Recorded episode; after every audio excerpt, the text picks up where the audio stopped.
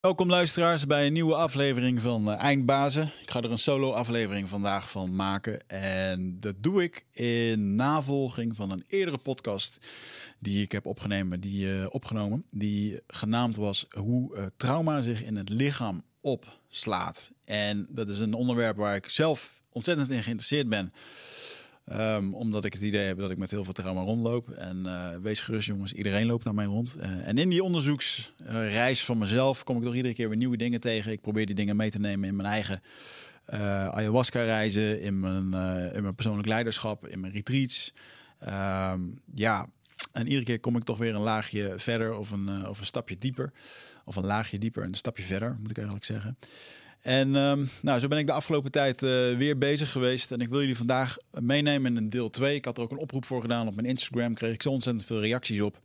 Dat ik het echt ontzettend uh, leuk vind om jullie weer op deze reis mee te nemen. Um, ik heb er vorige keer geloof ik een uur en een kwartier over gesproken. Um, ik heb daar hele toffe reacties op gehad.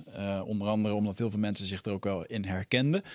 en dat het toch een hele hoop materie is die gewoon niet vaak wordt besproken. En ik kom er ook steeds meer achter dat het ook wel iets is wat uh, heel erg complex is. Wat um, heel erg verbonden is en verweven aan elkaar. En ik zal je zo meteen uitleggen hoe, um, ja, hoe, hoe dat ik daar naar kijk.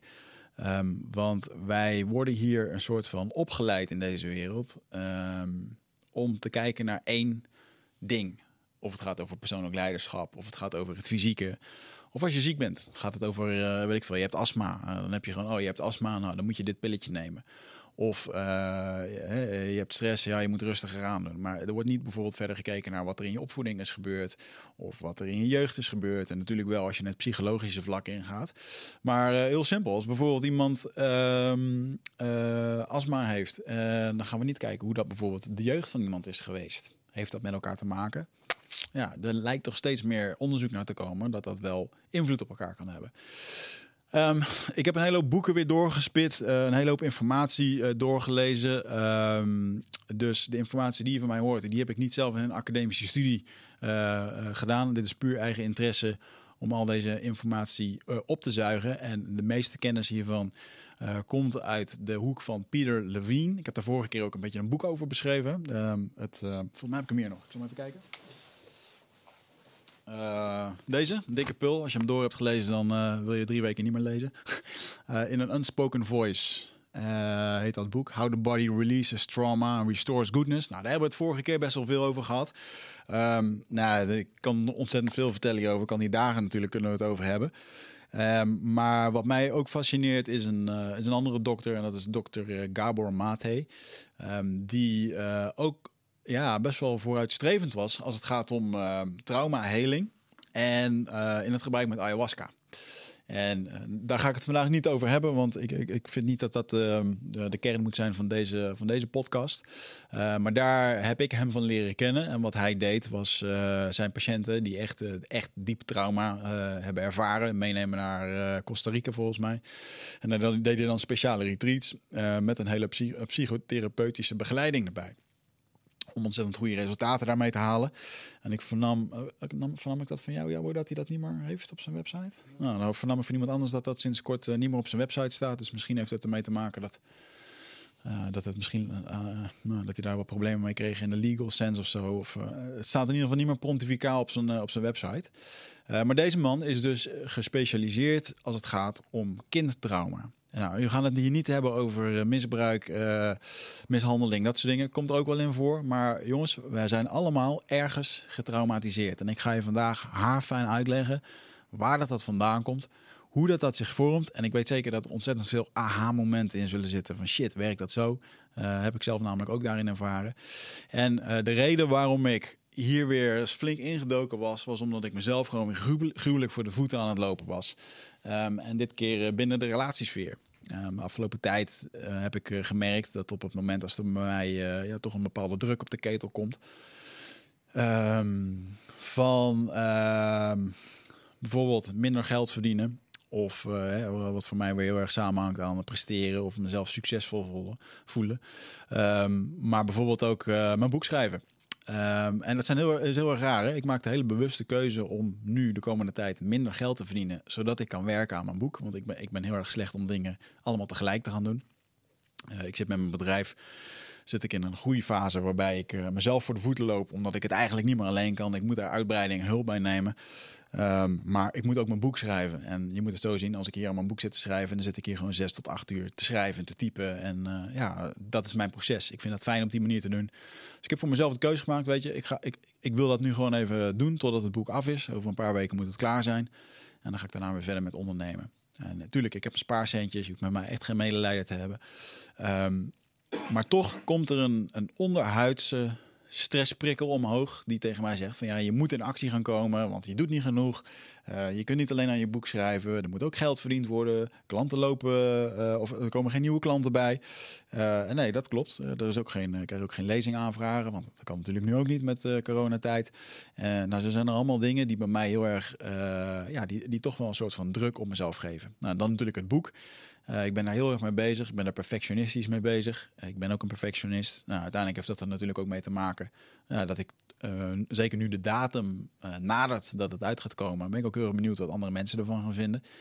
Ehm, en ik denk zeker wel dat dat een soort van druk met zich meebrengt. Ik wil het natuurlijk ook dat het groots gelanceerd wordt, dat er allemaal dingen omheen gaan komen. En eigenlijk ben ik een heel circus voor mezelf aan het bedenken. Uh, wat, wat toch onbewust een bepaalde stressrespons uh, geeft. Nou, wat, is de, wat is het resultaat van die stressrespons? Is dat ik um, ja, in een soort van vacuümbubbel zit. A, omdat ik helemaal in het werken zit. En B, ja, um, ik maak mijn wereld gewoon bewust wat kleiner. En dat betekent dus ook dat ik thuis in een relatie, um, of toen thuis in het gezin, dat ik uh, niet altijd emotioneel beschikbaar aanwezig ben, of maar tot een bepaald punt. Uh, omdat ik, uh, daar kom ik dan steeds vaker achter, omdat ik me dus niet helemaal lekker voel, omdat ik me niet helemaal comfortabel voel. Uh, maar er ook niemand mee wil lastigvallen. En misschien vind ik het ook wel eng om het te delen met mijn vriendin Marieke. Om, om, omdat er dan vervolgens weer wedervragen komen en dat ik er dan op in moet gaan. En ja, vind ik dat misschien wel eng. En dat zijn allemaal een beetje van die onbewuste patronen die, uh, ja, die ervoor zorgen dat, uh, dat er vervolgens uh, een Wigert zit die eigenlijk twee weken lang niet lekker in zijn vel zit. En ik vraag me dat wel eens af, weet je wel. Dan ben ik hier aan het schrijven. Dit, en dit boek gaat helemaal mijn ding worden, weet je wel. Ik, ik heb hier echt zin om straks mee op de bühne te staan en te doen. Maar om nou echt te kunnen zeggen dat ik thuis kom na een dag schrijven... en dat ik denk, nou, dit was vet. Ik heb vandaag heerlijk geschreven. Ja, dat is het eigenlijk niet. En dat komt toch omdat er een bepaalde druk of een bepaalde uh, het moet er succesvol over zijn, uh, laag overheen hangt. Uh, van de week deed ik hier een keertje een, een Joey Dispenza meditatie. een half uur. iets wat ik te weinig doe en vaker zou moeten doen. Want wat dat betreft ben ik wel een soort, ja, gekscheren noem ik het maar even zo, een yo-yo dieter als het gaat om als ik me goed voel, nou, dan, dan doe ik gewoon lekker mijn ding. En op het moment dat het fout gaat, dan ga ik in één keer weer mediteren, ademen en dan weet ik dat ik al die dingen mee doen. Terwijl het zou me zo ontzettend veel helpen als ik daar wat meer uh, onderhoud in zou plegen. en, dat, en ik merk dat ik daar ook best wel hard voor ben in mezelf. ik ben hier nu een fantastisch mooi boek aan het schrijven waarin, ehm, zoals ik in de jungle ben geweest, en wat mijn missie daar, de missie die ik daar kreeg, was van leer de wereld weer wat het is om een puur mens te zijn. En tijdens dat ritueel wat ik daar heb gedaan, die 40 dagen in de jungle, durf ik oprecht te beweren dat ik, toen ik terugkwam uit die jungle, dat ik mezelf echt een puur mens heb gevoeld. Zonder al die lagen, volle zelfacceptatie, uh, vergevend naar mezelf. En, en, en dat is ook een van de eindconclusies in mijn boek, dat ik dat, ehm, ja, ik, ik heb dat daar gevoeld toen ik eruit kwam. En vanaf het moment dat ik terug uit die jungle kwam, uh, heb ik een hele moeilijke periode gehad. Om, omdat ik dat, dat gevoel dus niet vast kon houden. Omdat ik weer terugslipte in oude patronen. Omdat ik uh, toch in één keer niet meer zo vergevend naar mezelf werd. Als bijvoorbeeld bepaalde dingen niet lukten. Of als ik bepaalde uh, evenementen niet vol kreeg. Of niet uitverkocht kreeg. Of weet ik veel wat. dan werd ik boos op mezelf. En allemaal van dat soort dingen. Of in de relatie dat ik ja, uh, niet mijn steentje bijdragen op de juiste manier om, om die verbinding optimaal te houden. En het best wel in gevecht met mezelf, zit ik daarmee. Af en toe. Af en toe, ja. Ik regelmatig, ik zit regelmatig met mezelf in gevecht. En ik denk de meeste van ons. Alleen de meesten spreken er niet over. Dus ik hoop vandaag een beetje het ijs te breken voor, uh, voor al die mensen die veel met zichzelf zitten te vechten. een soort, uh, laten we een fight club oplichten voor onszelf, waar we met, met onszelf liggen te vechten. Um, nou, wat ik vandaag met jullie wil bespreken gaat over de verwevenheid van alles bij elkaar. Hoe dat het komt dat je bepaald gedrag vertoont. En we hebben heel erg het idee dat een hele hoop dingen apart zijn. Wat ik net al zei. Uh, oh, u heeft kanker. Nou, u krijgt dit of dat. Um, je krijgt bronchitis. Je hebt dit of dat. Um, het lichaam, geest en emoties uh, zijn één. Ik bedoel, als je, dat, daar komt de wetenschap steeds meer achter. En ik ga je zo meteen wat voorbeelden aanhalen uh, waaruit dat zal blijken. Maar ja, we, kijken, we zijn natuurlijk zo ontzettend ehm, opgeleid hier. En misschien is de industrie zeker ook de farmaceutische industrie is daar natuurlijk ook wel uh, happig op. Hè, dat er, uh, er is iets en daar moet een kuur voor komen. Uh, en dan kijken we niet echt naar, oké, maar hoe komt het dan dat dat ene er is dat ons ziek maakt? En zullen we daar eens naar de oorzaak gaan kijken? Ja, dat zijn natuurlijk dingen, daar kan je, wat, daar kun je van alles over vertellen. Maar een hele mooie vergelijking die ik hiermee zag, uh, ging over de natuur, waarbij alles verweven is met elkaar. Dus ons lichaam, geest en emoties, die zijn, ja, dat is gewoon één geheel. is niet onafscheidelijk van elkaar. Hoe vergelijk je dan dat dan met de natuur? Nou, stel nu dat ik een, uh, ik heb een blad en dat blad dat groeit. Maar dat blad dat groeit niet alleen omdat er regen uit de hemel valt. Nee, dat blad dat groeit omdat er een hemel is waar wolken in zijn, waar de zon in schijnt, doordat er een bepaalde klimaat, um, uh, doordat er een bepaald klimaat is, valt er veel of weinig regen. Die regen die valt in de grond, dat wordt opgenomen door wortels, door schimmels, door allerlei. En vervolgens komt de zon met de fotosynthese die de zuurstof uit de plant haalt. En, en zo'n plant die groeit en uh, schaduw heeft ermee te maken. Dus al die randfactoren zorgen er uiteindelijk voor dat dat blad kan groeien. Zoals het groeit. Hè? En um, dat vind ik wel een hele mooie om dan het stukje met betrekking tot onze gedachten hierbij te introduceren. We, we hebben hier een persoonlijk leiderschapspodcast uh, en we, daar praten we veel over gedachten. En je krijgt natuurlijk vaak de notie te horen dat de gedachten die wij hebben, die creëren onze wereld. En nu heb ik een nieuwe voor je. Dat klopt. Alleen het is de wereld die onze gedachten creëert.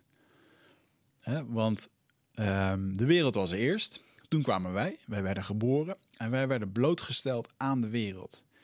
En de wereld, die omgeving, al die impulsen die we zagen, de vader die tegen ons schreeuwde, um, het geweld wat er bij ons in huis uh, aanwezig was, of de vader die er niet was. In mijn geval, mijn vader die is, uh, die is overleden, zoals de meeste van jullie wel uh, weten, de vaste luisteraars. En Um, je wordt dus blootgesteld aan iets. Of je wordt geboren in oorlog. Of je wordt geboren met weinig eten. Of dat er stress is. Of, uh, of het kan ook weer gezellig zijn en leuk. Dat zijn natuurlijk ook mooie factoren. Ik hoop dat dat het geval voor je is geweest. Maar die wereld, die impulsen, die vormen je gedachten. En uh, dat is natuurlijk het, het, het, begin van hoe jouw wereld eruit ziet. Hoe dat je naar bepaalde dingen kijkt. Hoe dat je naar bepaalde relaties kijkt. En uh, we gaan er zo meteen nog verder op in over hoe dat, dat dan precies vormt. En, en wat je nou eigenlijk aan het doen bent als kind. En waarom je daar eigenlijk helemaal niks aan kan doen. En dat, is ook een beetje het venijnig hierbij. Want jullie horen mezelf. Ik hoorde mezelf eigenlijk net al bij de introductie. Dan zit ik hier te vertellen dat ik uh, zit te vechten met mezelf. Dat ik zit te balen van mezelf. En alsof ik, soms dan denk ik wel, alsof ik er zelf aan wat aan kan doen. En dan, ja, tot op zekere hoogte kan je er wat aan doen. Maar nee, tot op, een groot, tot op een groot niveau ben je gewoon zo gevormd en zit dit dus helemaal verweven in dat systeem van je. En um, daarvoor mag je wel wat liever naar jezelf zijn, want heel veel mensen hebben dat. Uh, voor mij geldt dat ook, dat ik toch een hoop eisen dan naar mezelf stel. Terwijl er zijn een hele hoop dingen die um, lastig te begrijpen zijn als je ze nog nooit hebt gehoord. Dus een van de dingen heel erg belangrijk hierin is, is dat je zometeen het besef hebt dat je bepaalde dingen aan het doen bent en waarom dat het komt. Want als je het kan begrijpen, dan kun je het gaan veranderen. Hè? Dus nog één keer, die, die gedachten, die creëren onze wereld. Hè? Zijn we positief, dan trekken we positieve dingen aan. Zijn we altijd negatief, dan zijn we negatief. Jullie kennen ondertussen het riedeltje. Um, maar uh, het zijn de wereld in eerste instantie die onze gedachten creëren. Hè? De invloeden van buitenaf, de impulsen waar we als eerste aan bloot worden gesteld. Nou, en dan heb ik bijvoorbeeld een, um, een, een, een, een, voorbeeld voor je. dat uh, een kind dat, uh, dat astma heeft. Als mijn dochter straks astma heeft, dan gaan we naar de dokter toe en dan wordt er geconstateerd, ja, ze heeft astma. En wat gebeurt er dan? Dan wordt er niet gekeken naar vroeger, naar hoe kan bijvoorbeeld astma ontstaan, misschien door, door stress. nee, dan krijgen we medicijnen.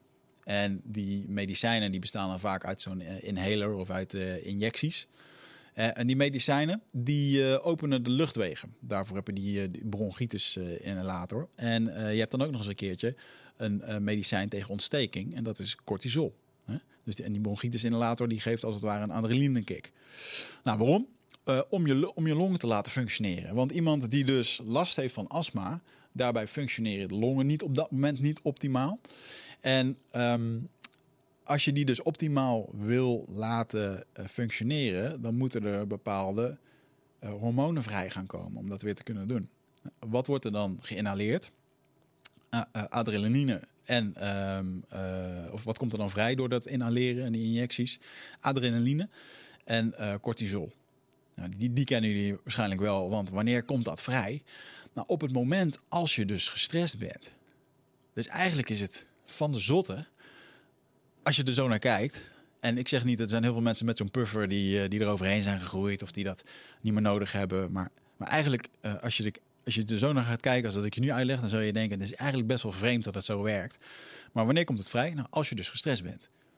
Dus een kindje is gestrest. Um, dan staat dat eventjes los van dat. Want, hè, want wanneer komen die stoffen vrij? Als we gestrest zijn. Of je nu astma hebt of niet.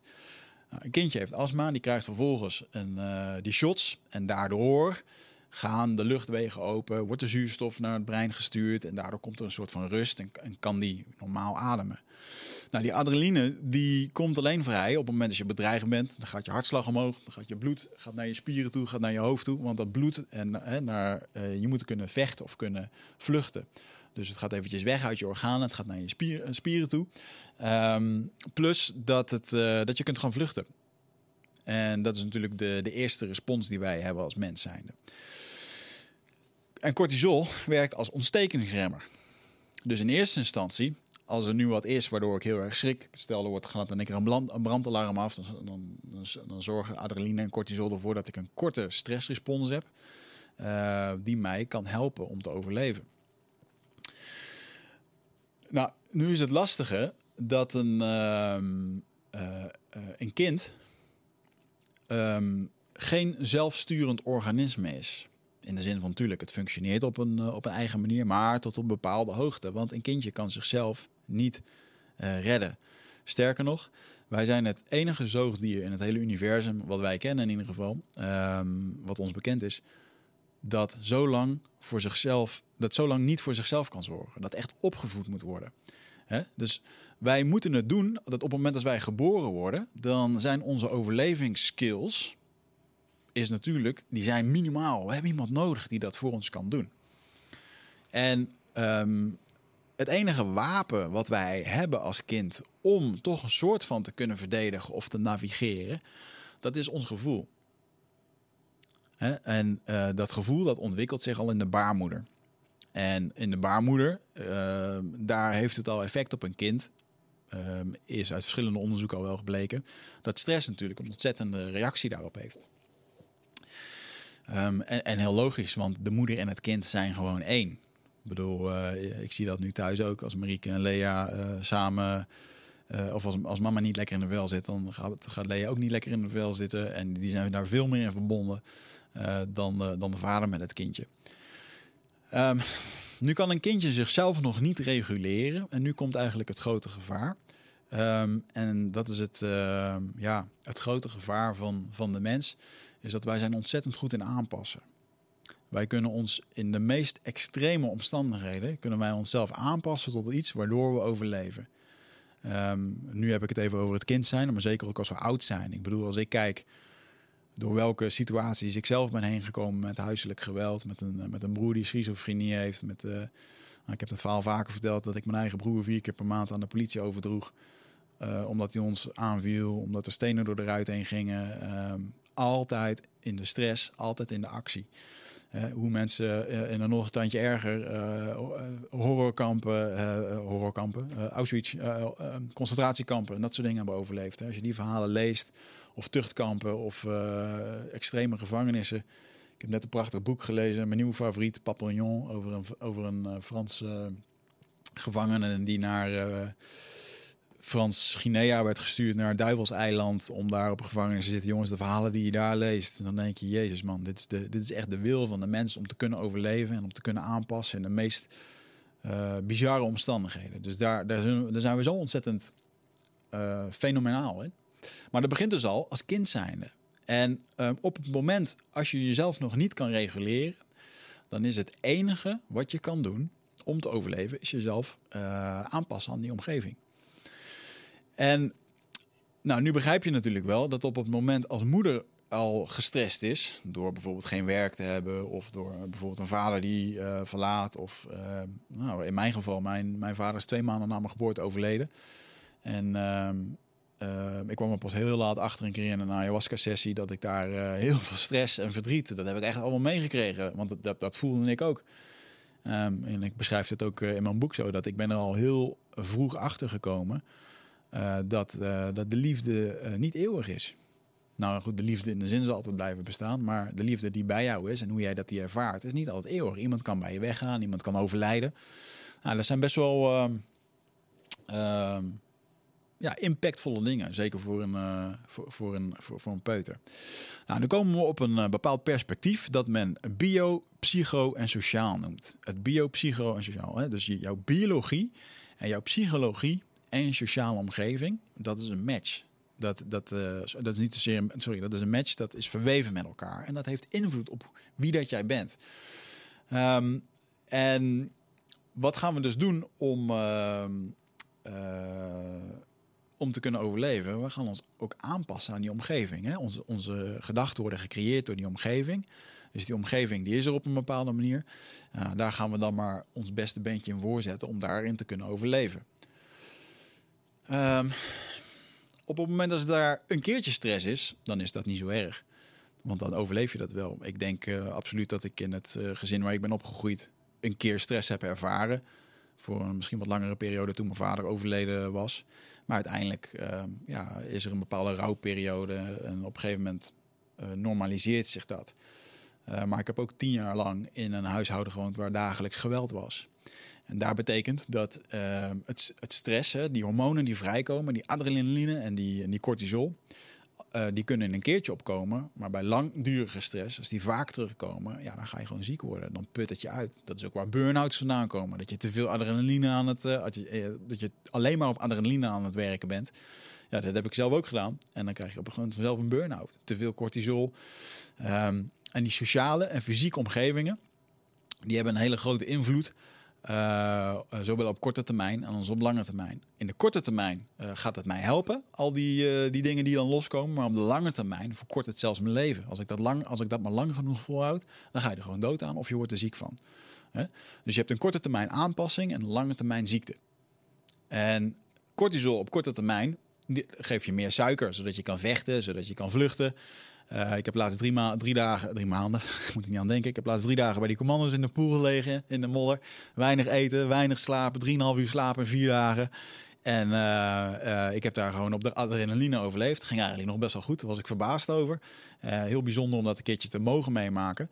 maar het moet niet zo zijn dat, dat, dat we dat acht weken lang gaan doen. en de commando's doen dat wel overigens, maar dan ben je ook echt commando. Maar stel ook dat je bijvoorbeeld in oorlog zit. Hè, dat je dit acht maanden lang hebt. dan is het niet gek dat je daardoor allerlei dingen, stoornissen ontwikkelt of, of, of ziektes. Op de lange termijn zorgt cortisol dat het je bijvoorbeeld dik maakt. Het verdunt je botten dus osteoporose komt er vandaan. Uh, kan daardoor ontstaan. Fibrosis is een, is een proces dat, het, um, uh, dat beschrijft hoe dat jouw bindweefsel reageert op schade en op um, hoe noem dat? injuries. Als je trauma oploopt, dus wonden of schade. Dus op het moment dat je heel veel stress hebt, dan, dan heel je ook minder goed.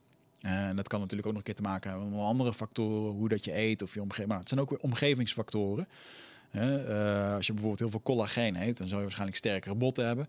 Nou, als je ook nog een keertje een lousy diet hebt, um, Of je zit in een bepaalde omgeving. En dat vind ik nu best wel eng om te zien. Hè? Dat zeker als je nu kijkt hoe bepaalde mensen eten. Of zeker ook in Amerika. Ja, dan zie je mensen super dik, ongezond eten, uh, sporten weinig, hebben een hoop stress. Uh, stress en stress in de lichtste vorm. Stress van social media, stress van uh, nou, misschien geen baan of nu met corona. Dat zijn allemaal dingen. Maar het, het is niet één ding. Het zijn allemaal dingen die optellen. En op de lange termijn, wat gaat die cortisol doen? Ja, dan krijg je vet op je buik, waardoor je hartziektesrisico omhoog gaat.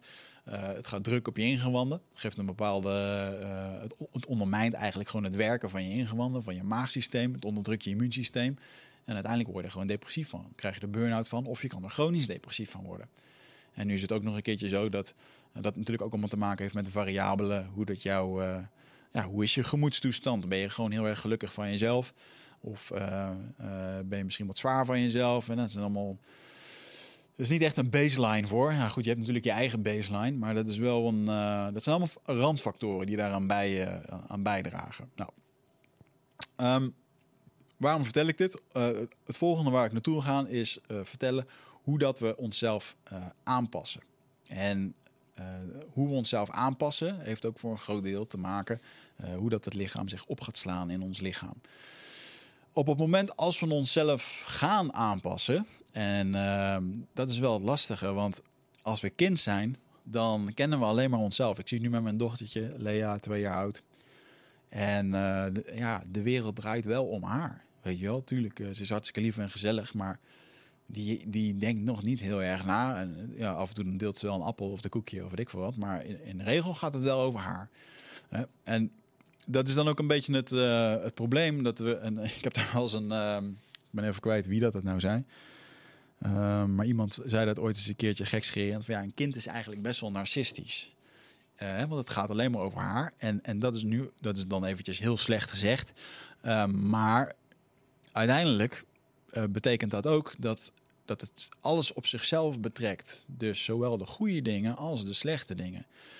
En dat heeft er helemaal mee te maken met hoe dat zij de wereld ervaart. Dus als zij op bepaalde manieren de wereld ervaart, ja, dan gaan ze zich dus aanpassen daarop. En, en uh, gaan ze zichzelf daar de schuld van geven? Gaan ze zichzelf daar uh, iets wijs maken om maar te kunnen overleven? Um, en wat een hele belangrijke hierin is, is um, dat een kindje zichzelf kan uiten. En um, moet ik even mijn aantekeningen hier erbij pakken. Er is bijvoorbeeld een, uh, een, uh, een, een, hele belangrijke van die ontlading, is dat wij uh, onszelf moeten kunnen ontladen. Daar heb ik het in die vorige podcast uitgebreid over gehad. Hè? Dat, ik ben van mening dat depressie en met mij vele andere. Uh, depressie is het tegenovergestelde van expressie. Op het moment dat jij jezelf normaal kan uiten, dan is er niks aan de hand. Uh, op het moment als je iets, als je jezelf niet kan uiten, je doet niet wat je leuk vindt, je mag niet over bepaalde dingen praten, uh, dan word je daar depressief van. Want het duwt iets weg als het ware. Heel simpel voorbeeld. nu bijvoorbeeld met de crisis. worden, worden we ook bijvoorbeeld. ik, word, ik word depressief omdat er bepaalde dingen niet gezegd mogen worden. Wordt gewoon weggeduwd, wordt gewoon gecensureerd. En er vallen heel veel mensen over. Waarom? Nou, ze mogen zichzelf in één keer niet uiten. En dat is natuurlijk even in de situatie van nu. Maar het kan ook bijvoorbeeld zijn dat jij op je werk niet wordt ingezet voor hetgeen waar je echt goed in bent. Of waar je, hebt aangegeven wat je verlangens zijn. Of wat heel veel mensen doen. En ik weet ook zeker dat er zeker, zijn. Ik weet ook heel veel zeker dat er mensen zijn die nu luisteren. Die die verlangens nooit echt kenbaar hebben gemaakt. En stilletjes aan het doen zijn uh, wat ze niet willen doen. En daar word je wel ziek van, lieve mensen. Daar word je depressief van. En dan krijg je uiteindelijk een burn-out. Of je wordt daar ziek in. Um, heel simpel voorbeeld hiervan. Uh, een studie van een, uh, een, studie uit Australië omtrent zwangere vrouwen uh, die in stress verkeerden en die alleen waren. Um, en ze hebben die, die dames die hebben ze gemeten met, met bloedwaarden, met hormonen, met alles wat, er in die, wat daarin omgaat. En um, zodra er iemand vroeg aan een van die dames uh, uh, van hey, hoe gaat het met je?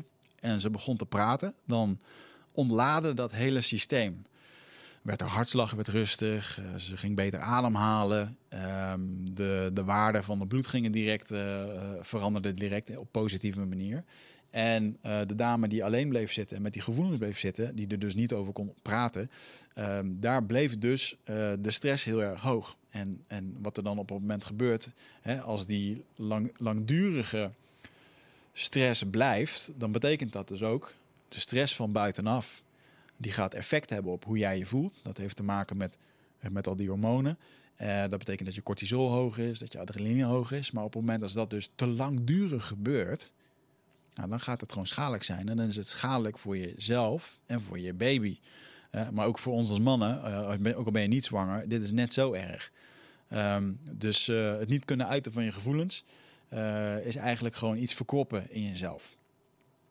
Wat we daarin ook kunnen concluderen, wat steeds vaker wordt geconcludeerd, is dat bijvoorbeeld kanker niet zozeer genetisch bepaald is. Dat hoor je heel vaak van ja, dat zit in de familie wat dan ook. Ja, dat kan bij sommige soorten inderdaad zo zijn. Uh, maar een heel, heel groot onderzoek, en dat hebben ze met uh, vrouwen met borstkanker hebben ze dat bekeken, ook een Australische studie. Is natuurlijk maar een studie en natuurlijk zullen er allerlei andere randvoorwaarden zijn. Maar daar kwamen ze achter van de 100 vrouwen dat er maar zeven genetisch de cellen hadden voor, voor kanker. Nou, waaruit ontstaat kanker zich dan? Kanker is meer het resultaat van langdurige blootstelling aan die biopsychosociale druk. Oftewel aan die biologische druk, de psychologische druk en die sociale druk. Wat niet zozeer één apart fenomeen is. Nee, dat is allemaal verbonden met elkaar. Hè? Het is, dat is dus die verwevenheid die erin zit. Dus wij zoeken het heel vaak in dat ene ding. Maar het heeft gewoon te maken met alles. En um, ik moest wel heel erg um, grinniken om een quote van, uh, van een wetenschapper. En die zei: Dit is exact waarom we geen kuur kunnen vinden voor kanker. Uh, omdat we aan het zoeken zijn naar individuele cellen. En hij maakte de vergelijking: het is hetzelfde dat je een file gaat, sorry, dat je een, een, een file gaat onderzoeken. Je gaat onderzoeken waarom er file staat. Door te kijken naar een individuele auto of dat de versnellingsbak klopt. En toen dacht ik, ja, dit is inderdaad wel heel erg vreemd. Hè? En epigenetica, ik vind het heel erg bijzonder hoe dat je omgeving je creëert. Als je daar zin wil kijken, kijk, zoek zeker eens eventjes meneer Bruce Lipton op. Zullen jullie vast wel eens een keertje voorbij hebben zien komen. En die kan ik heel mooi praten. Er staan ook heel veel van die filmpjes op YouTube. praat ook heel veel over hoe je het positieve naar je toe kan trekken, maar ook daadwerkelijk hoe je dat je jezelf ziek kan maken. En ja, hij, hij is wel een, een voorloper in dit, in dit stuk. Ik vind het heel erg bijzonder. En um, gelukkig komt er steeds meer, wordt er steeds meer bekend over.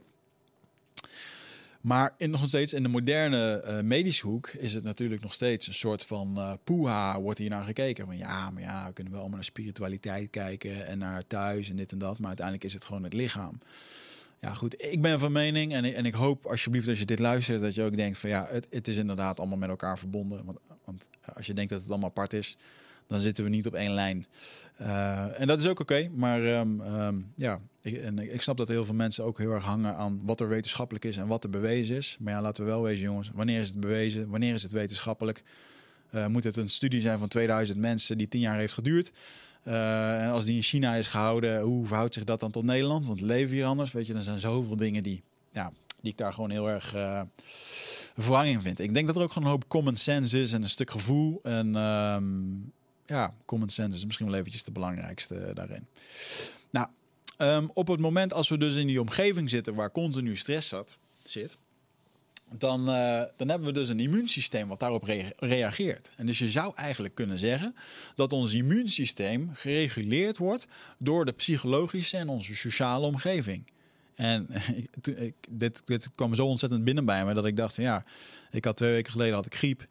En, en, en ja, ik was er wel al een paar weken wel hard aan het werk. En uh, voelde misschien niet helemaal optimaal. En op een gegeven moment had ik uh, wat oneenigheid thuis. Waardoor ik echt met een rot gevoel naar mijn werk ging. En uh, ja, wel even een dag oneenigheid. En de volgende dag heb ik in één keer griep.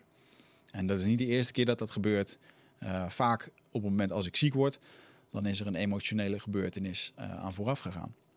En ehm, ik denk dat een hele hoop dat uh, mensen dat wel, uh, wel kennen. Um, en wat dan een beetje het gevaar is, is op het moment als we ziek worden of als er iets met ons gebeurt, dat we niet naar onszelf gaan kijken. En een, een, um, ik zal je een verhaal vertellen. Ik zat laatst met mijn, uh, met mijn lieve moeder zat ik te kletsen en zij is nu in de 70. En ik heb daar lang over na zitten denken van ja, hoe zou ik dat nou willen? Stel nu dat zij straks wat ouder wordt en uh, misschien niet meer voor zichzelf zou zorgen. En uh, nou, een beetje met mijn visie van de Indianenstam en hoe mensen daar met elkaar leven. Um, lijkt het mij, en ook de band die ik met mijn moeder heb.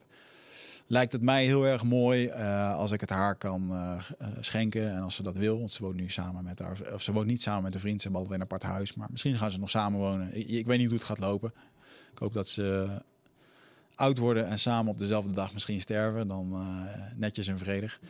Uh, maar goed, uh, er is een kans dat ze ouder worden, dat ze op een gegeven moment verzorging nodig hebben. En ik heb voor mezelf wel bedacht, ja, het lijkt mij heel erg mooi als ik,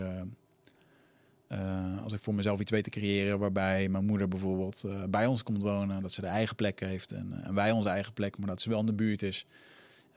misschien een tweede huis op een soort erf of wat dan ook. En ja, dat zijn wel dingen die, ik, die mij heel erg gaaf lijken. En ik weet ook dat er een hele verantwoording bij komt. En ik denk ook dat een hele hoop mensen nu denken van, oh, maar dat zou ik echt niet willen. En dan denk ik, ja, uh, dat is inderdaad hoe onze, onze maatschappij gewoon is opgebouwd. Maar als ik bij de Indianenstam kijk, is het gewoon, uh, ja, hoezo, hoezo zorg je niet voor je moeder? Ik hoef daar echt niet uit te leggen dat wij onze ouders in een fucking bejaardentehuis sturen... waar ze één keer per week een, kont afgeveegd krijgen en uh, een luier om moeten. Dat, eh, dat is natuurlijk wel de extreme verhalen, maar vind ik heel erg. En ehm, hoe wil je zelf oud worden, weet je wel? Um, en uh, natuurlijk moet je wel een goede band hebben en moet die band er ook zijn. En ja, ik ben gewoon heel erg bezig met. Uh, ik wil die band gewoon ook. Ik wil dat ook heel erg graag teruggeven aan haar. Um, en dat zal zeker uitdagend worden in de praktijk. Ik bedoel, als je je eigen moeder moet gaan verzorgen, ik denk dat dat ook een hele bijzondere dynamiek is. maar even buiten dat, dat is mijn idee. En nou, met een goed gesprek met mijn moeder heb ik er dat voorgesteld. Van, hoe zou je dat vinden als je wat ouder wordt, dat je dan bij ons komt wonen? Um, en het eerste, uh, het eerste wat ze zei is van nou vind ik heel lief van je, maar uh, ja joh, er komen veel zorgen voor jullie. Het is best wel lastig hoor als mensen oud worden of als ze vergeetachtig worden, dan ben je daar de hele tijd mee bezig. Ko het kost heel veel tijd en zou ik niet zomaar doen. En toen dacht ik echt wow, wow, wat zeg je nu eigenlijk, weet je wel? Ik bedoel, ja, ik bied je eigenlijk gewoon een hele relaxte toekomstperspectief aan en je, en, en je wuift het meteen weg. Uh, omdat je jezelf tot last zou vinden tot ons. Weet je, ik heb hier wel gewoon goed over nagedacht. En, en, en nu is dat niet zo erg, hè, dat mensen daar in eerste instantie bescheiden in willen zijn. Of dat ze wat terughoudend in willen zijn. Of dat ze, het is ook best wel wat als je, als je aan iemand vraagt van, joh, wil je voor me zorgen? Maar goed, nu werd het aangeboden. En uh, uh, waarom vertel ik je dit verhaal? Nou, omdat heel vaak op het moment als wij onszelf slecht gaan voelen, dan gaan we uh, onze zelfzorg, die vergeten we. En dan gaan we toch weer voor de ander zorgen. En dat is een bepaald mechanisme uh, dat, uh, dat ook uit onze jeugd stamt. En um, hè, dat is ook een beetje de, de werknemer die ziek is en die uh, toch gewoon lekker blijft werken totdat hij bijna dood neervalt. Of dat hij ehm, Um, de, de, moeder die heel erg ziek wordt in het gezin en die vervolgens uh, zegt: Ja, maar ik vind het zo ontzettend erg voor mijn man. Uh, want ja, die krijgt al die druk en dan moet hij het huishouden alleen doen. En, en joh, dan denk ik: uh, al die, die gedachten over anderen en dat je moet zorgen voor anderen. Um, kijk nou eens naar jezelf. Weet je, um, want misschien ben je al heel je leven zo aan het kijken. Ben je continu aan het zorgen voor anderen. En ik denk dat een hele hoop van die gevoelens en van die expressie en van die, van die dingen die je. Dat je die daar ook in kwijt kan. Dat je dat zo voor jezelf hebt gevormd. Maar het is zo ontzettend belangrijk om voor jezelf, om voor jezelf te zorgen. Gewoon echt 100% zelfliefde over, uh, over jouw geluk. Weet je? En eventjes, tuurlijk is het erg voor je man dat hij achterblijft. En dat hij misschien eenzaam gaat worden. En dat hij daar slecht tegen kan. Maar het is niet jouw zaak. In de kern is het niet jouw zaak. En je kunt er wel jouw zaak van maken. Maar dan ga je wel onnodig lijden. Want jij kan dat niet voor hem invullen. En, en ik merk hetzelfde. Als ik uh, ruzie heb met Marieke. Dan uh, zie ik haar ongelukkig. Uh, ik voel me schuldig over, nou, ik heb misschien wat achtergelaten. Of ik heb dingen niet goed gedaan. Of we zijn het er niet mee eens. en dan is een van mijn eerste neigingen is dat ik haar gerust wil stellen. Dat ik wil dat zij zich goed voelt. maar ik zelf voel me ook niet goed. bij mij gaat er ook van allerlei aan. En ik vind dat heel erg moeilijk om mezelf dan in dat moment ook terug te kunnen zeggen: Oké, nou goed, dit stuk, dit is gewoon voor jou, hoe jij je nu voelt. Jij voelt je misschien niet gezien. En, en ja, ik ook niet, want ik heb het gevoel dat ik alles goed doe. En hè, dat zijn allemaal van die dynamieken die je met elkaar uh, kunt gaan krijgen. Maar um, ja, ik ga dan dus heel erg bezig zijn met de ander. En misschien ken je dat wel, uh, ook in een stuk uh, naar, je, naar je baas toe. dat je heel erg wil pleasen om geliefd te zijn. Eh, dat je eh, ontzettend je best aan het doen bent om maar gezien te worden. Om de coach maar te laten zien of je trainer maar te laten zien dat je het echt goed bedoelt. Hè? En eh, ja, dan komen we op een syndroom wat meneer Gabor Matte, die, die traumadokter, die noemt het heel erg mooi. dit is het please love me syndroom. Oftewel, alsjeblieft, hou van me. En ik denk dat een hele hoop zich in de kern hiervan kunnen, kunnen herkennen. En uiteindelijk, jongens, iedereen wil geliefd zijn. Ehm, en dat is de reden waarom we dus uh, geen nee durven te gaan zeggen. Of waarom we zo graag willen zorgen voor anderen. Uh, en, het grappige hierin is, is dat dit gewoon aanpassingen zijn. Want ik had het net over mijn dochtertje, dat die narcistische trekken heeft als kind zijnde. Uh, en het is niet zozeer, ze is niet bewust narcistisch of onbewust, maar ik zeg het even verkeerd. Ze heeft wel wat narcistische trekken, maar ze is eigenlijk gewoon, de wereld draait om haar. Het is pure zelfliefde. Die denkt niet na over dat zij slecht is of stomme dingen doet. Of, ehm, die doet gewoon. Die is helemaal tevreden met zichzelf. Helemaal onbevlekt. En wat er nu gaat gebeuren, is dat, er, uh, dat zij zich gaat aanpassen aan de omgeving. Omdat ze straks ziet dat als ik, uh, als ik het ergens niet mee eens ben, dat ik dan een keer mijn stem verhef. Of dat ik dan zeg, Lea, uh, dit klopt niet. terug in je bed, je moet nu slapen. En dan komt er toch op een gegeven moment een, een, een punt van: oké, maar als ik me gedraag, dan, eh, dan is papa aardig. En die aanpassingen die ze daarin maken, dat is dus geen bewust gekozen gedrag. Dat is puur overlevingsmechanisme en dat komt voort uit twee verschillende behoeften. En hier wordt het echt super interessant. Die eerste behoefte is hechting. tweede behoefte is authenticiteit. En ehm, de, het voorbeeld wat ik um, zal gebruiken om, om hechting te beschrijven. Um, het zorgt dat we bij elkaar uh, blijven werken. Sorry, het zorgt dat we bij elkaar blijven. Hè, dat we onze omgeving uh, laten werken met degene die voor ons aan het zorgen zijn. En we kunnen dus overleven. En dit is voor ouderen naar kinderen uh, en andersom. Want ik wil graag gehecht zijn met Lea, zij is gehecht met mij. En nou ja, nogmaals, dat menselijke kind, dat, dat zoogdier in ons universum, is dat het langst afhankelijk van de ouder van alle dieren. dus die hechting is super belangrijk. Want zonder die hechting, het is geen zelfsturend mechanisme, zelfregulerend, dus dan zou het overleven. Dus de primaire behoefte is om te hechten met iemand, met een verzorger die vervolgens uh, met jou uh, aan de slag gaat en die jou dus uh, lief vindt, die jou aardig vindt. Want op het moment dat we iemand niet meer lief vinden of aardig vinden, ja, dan hebben we ook niet echt veel zin om ervoor te gaan zorgen, toch? Dus jullie voelen hem al aankomen. Oké. Nou, dan heb je natuurlijk het stukje authenticiteit. En dan zou je denken, ja, authenticiteit, wat heeft een kind nou weer te maken met authenticiteit en spiritueel gekletst? Want je hoort het nu ook heel veel. Maar ja, jongens, die authenticiteit komt wel weer eventjes voor, voort uit dat stukje um, expressie versus depressie. Uh, authenticiteit betekent namelijk dat we, uh, is echt een primaire levensbehoefte.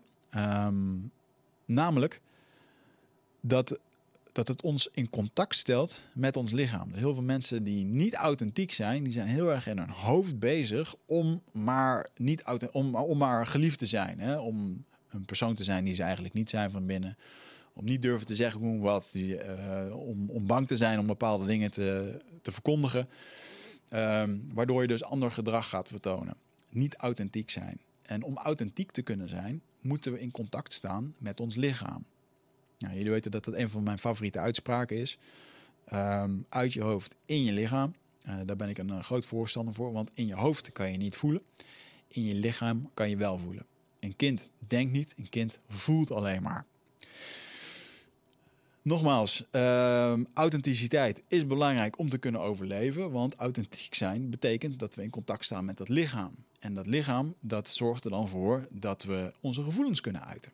Dus als mijn lieve Lea, net als gisteravond, die nu in de, in de, in de nee-fase is, alleen maar nee aan het zeggen is. En helemaal gek wordt op het moment dat ik haar in bedje leg, terwijl het de hele dag helemaal oké was, omdat ze gewoon niet wil slapen. Dan is dat een vorm van uiting dat ze nu heel de boel bij elkaar gilt, schreeuwt en, en doet. Uh, ik ben blij dat ze het doet, want het betekent dat ze er niet op komt. Ik, als ze die woede niet zou uiten, dan zou ze geen drie jaar oud worden, weet je wel. En, en dat is natuurlijk ook wat er met ons gebeurt als mens zijn. Dat als wij heel erg boos zijn, uh, dan, dan houden we dat binnen. En dat is gewoon niet heel erg gezond. Nou, wat gebeurt er met die authenticiteit van een kind? Die vormt een bedreiging voor de hechting. Want ik moet straks mijn grenzen aan gaan geven dat bepaalde dingen niet kunnen. Bijvoorbeeld, um, als zij straks met een, uh, met een mes in haar mond zit te pulken voor het eten, dan moet ik dat mes afpakken voor de eigen bestwil. Zal zij niet begrijpen, is voor haar heel frustrerend. Van hé, hey, hoezo mag ik dat niet? Ik pak toch dat ding. En dan zal ze dus uh, boos worden.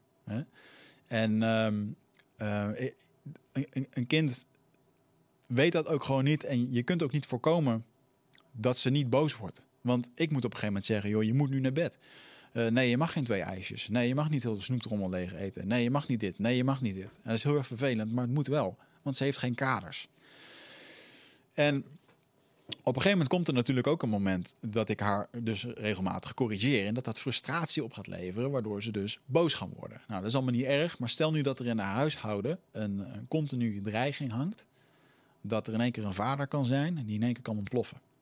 Of misschien is het een alcoholistische vader die onberekenbaar is. Of misschien is het een schizofrene broer die ook onberekenbaar is. Die in één keer, bam, de boel kan ontploffen en, en dat er geweld kan zijn of gevaar. Uh, een moeder die, die gek of boos wordt uh, op het moment dat er iets kapot gemaakt wordt. Ik moest in één keer denken toen ik dit voor zat te bereiden aan Mark Siegenbeek, die hier ook in de studio is geweest. Wat doet hij over millennials? Heeft hij het over? Dat hij vertelde dat hij met zijn broertje aan het spelen was en dat zijn broertje een kopje thee kapot gooide. En dat ze alle twee tegelijk begonnen te huilen. Uh, en dat die vader zei van jongens, waarom zijn jullie aan het huilen? Ja, mag niet van mama. Dus die waren al helemaal bang dat, uh, dat, dat mama boos zou worden omtrent het kopje dat gevallen was. Hè? En dat is dus, oké, uh, om geliefd te blijven bij mama, moeten we dat dingetje niet laten vallen, want anders dan hebben we gezeur. Valt dat ding, nou, dan heb je dus gelijk een reactie. Oftewel, je bent je aan het aanpassen van je omgeving. Um, dus er hangt een soort van dreiging. Als ik dit doe, of als dat gebeurt, dan gebeurt er wat. Ja, wat ga je dan dus doen? Ja, je wil braaf en gewenst zijn. Je wil jezelf hechten. Dus, uh, en kleine kinderen die boos worden of die zich niet goed gedragen, die worden niet geaccepteerd door de ouder.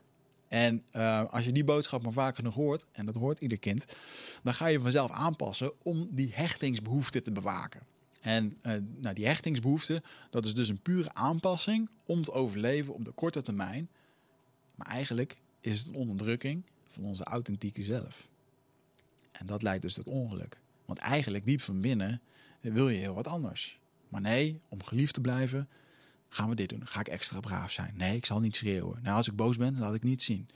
Dus ouders die zeggen van je mag niet boos zijn, schreeuw is niet zo, dit en dingen. En ik ben er ook wel schuldig aan dat ik zeg, Lee, doe even rustig, weet je wel. Maar ja, er is wel wat, weet je wel. Anders doet ze het niet. En ja, dat is natuurlijk een hele... Ik denk dat je daar een goede balans in kan vinden. Maar het is wel een, een uitdaging. En nou, laat ik die uitdaging gewoon uh, opvoeding noemen.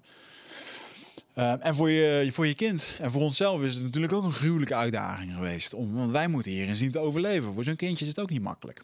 Hè? En um, wat je daarin dus uh, krijgt, is dat, dat, please love me syndroom. Dat is een, uh, een syndroom wat ervoor zorgt dat eigenlijk zegt: uh, hou van mij ongeacht de prijs. Hou van mij ongeacht de prijs. En dat betekent dat authenticiteit versus de hechting is een verloren spel. De hechting overwint altijd. Want dat is het belangrijkste. En um, een kind kan niet zeggen uh, wie die is. He, zo van, ja, maar ik wil dit gewoon. Ik wil dit nu gewoon op deze manier. En dan wordt het eigenlijk gewoon verstoten en dan zal het sterven. Ja, dat is niet wat je wil, want je wil overleven. Dus dat zit zo erg in onze biolo biologie dat we als kind zijn natuurlijk ook heel weinig macht hebben. We zijn zo ontzettend afhankelijk dat er zelfs op een gegeven moment iets kan komen dat zegt: uh, je mag mij als een idioot behandelen of je mag me zelfs pijn doen, maar hou alsjeblieft van me. Zit jij uh, vaak in je hoofd? Uh, neem je heel veel informatie tot je video's, podcasts, boeken? Uh, nou, voel je niet schuldig, dat doen heel veel mensen natuurlijk. maar vaak zijn we op zoek naar antwoorden. gaan we nog meer informatie tot ons nemen, terwijl ja, de antwoorden liggen toch echt in onszelf. En dat is iets wat we voelen met ons lichaam. Maar vaak zijn we zo erg in ons hoofd bezig ja, dat we dat ook niet meer, dat we daar niet meer echt goed bij kunnen. En dat is graag waar ik je voor uit wil nodigen. Voor Ride of Passage. 24, 25 en 26 mei is er weer een nieuwe editie. Voor mijn retreat voor persoonlijke ontwikkeling. Waarbij het thema echt is om uit het hoofd te komen in dat lichaam. Want dat is waar je alles ervaart. En ik wil dat je gewoon weer in contact komt met, met die, die intuïtie. Ehm, en dan gewoon een heel sterk uh, innerlijk kompas. Dat je gewoon weer weet waar je naartoe moet, wat je te doen staat. En dat je gewoon weer helderheid hebt over wat je wilt en hoe dat je dat gaat doen. En dat doen we middels uh, bio-energetische oefeningen, dynamische meditaties, een stuk shamanisme zit erin. Het enige wat er bekend is van het programma is dat er een zweethut in zit. Uh, en natuurlijk gewoon hands-on persoonlijk leiderschap. Uh, dit retreat krijgt een 9,2 gemiddelde van meer dan 331 deelnemers. Daar ben ik ontzettend trots op. Sterker nog, er is ook een money back guarantee. Vind je niks na drie dagen, krijg je gewoon je geld terug. Dus het enige risico dat je loopt, is dat je gelukkiger wordt. Klinkt dit als iets voor jou en durf je het aan? Dan zie ik je op Ride of Passage. Ga naar wichertmeerman.nl en klik op Retreat. En dat is dan geen liefde die we ervaren, maar uh, ja, laat me aan je hechten, ongeacht wat er gebeurt. En ik, ik moest daar laatst wel. Uh, ben, even, ben even kwijt welke auteur dat dit was, maar die heeft iets geschreven over uh, hoe dat, dat bijvoorbeeld gaat binnen de stammen. Hè? Dus binnen de stammen, daar woon je met meerdere mensen. Daar zijn meerdere mensen die je kunnen opvoeden. En op het moment dat jij niet zo'n goede band hebt met je vader of met je moeder, ik denk dat dat, dat kan door allerlei omstandigheden of door ja, gewoon dat het gewoon niet, dat je verschillende persoonlijkheden hebt misschien. Um, maar dan heb je wel een hele hoop andere mensen. Dan heb ik Piet, mijn oom, en uh, Jasper, mijn neef, en die, en die, en bla bla bla. En hè, dan kan je daar naartoe, want je woont allemaal bij elkaar. En dus heb je nog steeds die mannelijke rollen om je heen, waar je aan kan optrekken, waar je een voorbeeld aan kan nemen. En uh, het grote gevaar in onze maatschappij is, is dat we opgroeien en um, ja, dat we vaak naar de kinderopvang worden gebracht. Alleen, we hebben wel die hechting nodig. Maar als we onze kinderopvang vaker zien dan onze ouders, aan wie gaan we dan hechten? Ja, ook wel deels aan onze ouders, daar ben je onlosmakelijk mee verbonden. Maar als je vier dagen per week of vijf dagen per week de mensen van de kinderopvang ziet, dan ga je je daar aan, uh, aan hechten. Dat noemden ze, in die Engelse beschrijving noemden ze dit peers. En daar gaan men aan hangen als kind zijnde. En um, nou ja, goed, dan moet je dus maar afvragen: um, is dat wat je wil met je kind? En ik snap dat het niet voor iedereen, en zeker in onze maatschappij, is het heel erg lastig om deze beslissingen te maken. Ik merk er ook altijd dat ik er wat ongemak bij, uh, bij ervaar en bij zie als ik dit met vrienden over heb. En ik bedoel, ik heb Lea echt de afgelopen twee jaar heel veel gezien. En uh, ik zit twee dagen per week op kantoor en uh, ben er heel veel. En er is echt nul in mij wat spijt heeft van hoe ik bepaalde dingen heb gedaan in, in deze tijd. Uh, daar ben ik ontzettend trots op. En dat is ook heel belangrijk voor mij geweest. En dat komt natuurlijk ook uit een vat, omdat ik dat heel erg heb gemist zelf. En je probeert natuurlijk vaak aan je kinderen te geven wat je, wat je zelf zo ontzettend hebt gemist. Um, maar ja, um, uh, ik vind het heel erg lastig om mijn kind uh, zo lang uit te lenen aan iemand anders die het dan gaat opvoeden. Want dat is eigenlijk wel wat er gebeurt. En ja, gelukkig hebben wij een hele lieve gastouder die er nu twee dagen per week oppast. Want ze was na een goede anderhalf jaar heel erg op zoek naar sociaal contact. En ja, dat was er bij ons in de straat niet echt. Dus, dus dit is nu de goede oplossing. Um, ja, en dat is natuurlijk een beetje onze maatschappij. Hè? We zitten niet met 130 man in een bos en een stam waar we allemaal familie zijn van elkaar en kinderen. En uh, waar de vierjarige kinderen voor de tweejarige zorgen en waar dat allemaal mee wordt genomen. Dat, dat is hier gewoon niet. Um, nou goed, we gaan eventjes terug naar, uh, naar de basis. Uh, oftewel, um, iemand mag mij als idioot behandelen of ze mogen me zelfs pijn doen, maar hou alsjeblieft van me. Hè? Dus we gaan ons zelfs aanpassen. want we willen ons hechten, ongeacht wat er gebeurt. Nou, jullie voelen me al een beetje aankomen. Um, als wij uh, opgroeien met bijvoorbeeld kindermishandeling of worden geslagen door onze ouders, ja, dat is natuurlijk een heel vast patroon. Dat, dat, men dat terug ziet komen later in relaties. Dat je dan ook een man vindt die dat ook doet. Waarom? Ja, je trekt toch hetgene aan waarmee je bent opgegroeid. Um, ik ben uh, trots op een bepaalde zin uit mijn boek uh, dat we in de liefde op zoek gaan naar hetgene wat we kennen of dat we gemist hebben. En um, het is heel erg kundig en heel erg mooi als je dat kunt overstijgen. Hè, dat als je daar voorbij kan gaan kijken. Alleen het is wel zo dat uh, in de kern ja, is het wel iets heel erg dierlijks, wat gewoon op zoek is naar herkenning. Uh, of naar wat je zo ontzettend hebt gemist. Nou, als we in onze jonge jaren uh, kiezen voor de hechting, dan, dan doen we dit dus de rest van ons leven. En ehm, ja, dan ben je dus eigenlijk je authenticiteit aan het onderdrukken. Als die authenticiteit nooit echt mocht plaatsvinden, of je mocht nooit doen, of papa heeft altijd bepaald voor je wat je wilde doen, of moeder vond dat je naar die school moest. Ehm, ik denk dat dat een van de redenen is geweest waarom ik uiteindelijk ook niet het leger in ben gegaan, omdat iedereen er wat van vond en uh, bla bla bla. En je gaat daar toch. eh, ik wilde dat heel graag. Ik wilde graag dat avontuur. Ik wilde graag op vechtsport. Dat mocht niet, want dat was voor agressieve mensen. Nou, het zijn allemaal van die plakjes, van die plaatjes die worden overal overheen geplakt. En eh, nou, doe dat lang genoeg, jongens. En je 30 jaar later zit je aan een antidepressiva, zit je aan een burn-out, ben je advocaat, heb je een studie gedaan van zeven jaar, eh, maar wil je eigenlijk helemaal geen advocaat zijn. Allemaal van dat soort bullshit komt dan omhoog. En dat is wel waar een hele hoop mensen in zitten. Ja, en wat gebeurt er dan? Ja, dan word je ziek, krijg je burn-out. Eh, je hebt geen zingeving, want je bent aan het doen wat je moeder vroeger wilde dat je deed. Dus er zijn er allemaal dingen die, ja, die daar gewoon niet aan bijdragen. Komen we weer een beetje terug op dat samenspel. Is dat, en dan, ehm, je, je, kan de geest niet onderscheiden van het lichaam. Hè? We weten ook dat er niet echt een, eh, een basis is. Er is geen nulleiding van onderscheidingen. Ehm, je, je kunt niet eh, kijken, oh mijn ademstelsel dat werkt zo, mijn hartstelsel dat werkt zo, mijn zenuwstelsel werkt op deze manier. En dat je daar een soort van 1 tot 10 notering in vindt om dat maar te reguleren. Nee, ja, het is gewoon één groot geheel. En eh, dat is natuurlijk wat nu in de wetenschap steeds meer naar voren komt, maar wat nog steeds een soort van ontgonnen terrein is, want we weten er nog niet zo heel veel over. Ehm, maar de naam van deze nieuwe wetenschap, en dat is misschien wel interessant als je daar meer over wil weten, die heet psychoneuroimmunologie. En dat betreft dus de connecties in de eenheid van het emotionele systeem, cardiovasculaire systeem, van je ademhaling, van je zenuwstelsel, van je spijsvertering en van jouw eh, hormonale systeem en alles wat daarmee te maken heeft. Nou, wat, eh, um, wat doet dat hele systeem eigenlijk? Dat is eigenlijk een, een zenuwsysteem, een soort uh, elektrisch raster of een netwerk uh, dat ons beenmerg verbindt met het brein. Dus het zendt boodschappen van je brein naar je beenmerg, van het beenmerg naar je brein. daar worden de witte en rode bloedcellen van gemaakt. witte beschermen ons. Ik weet niet, vroeger ken je nog die tekenfilm waar die witte bloedcellen door het lichaam heen gingen als politieagentjes. En had je die rode, die, die, die verzorgde de zuurstof. Um, hè, en we hebben natuurlijk onze teamers die hierachter zit, uh, die zeker in onze opvoeding heel erg belangrijk is voor ons immuunsysteem. Zit hier ergens bij je nek een bepaalde klier die ervoor zorgt dat, dat die witte cellen opgeslagen worden. Um, uh, dat die naar het witte dat, dat die, dat, ik moet het even nalezen, dat waar de witte cellen opgeslagen zijn en door ons brein uh, door het lichaam heen gezonden worden. En dat, dat communiceert met elkaar heen en weer. Uh, ook je buik met je brein. Uh, je hart naar je brein. Je brein naar je hart. En, en zo gaat alles heen en weer. Uh, dat is heel bijzonder van ons hart. dat wordt gezien als een, een, zenuwstelsel apart. Eigenlijk een tweede soort brein. En dat is heel erg makkelijk terug te relativeren voor jullie zelf, denk ik. Dat er vast wel eens een keer een moment is geweest dat je iets diep in je hart wist. En dat je er misschien niet naar hebt geluisterd. Ik denk dat je die momenten misschien beter weet dan dat je diep naar je hart luisteren.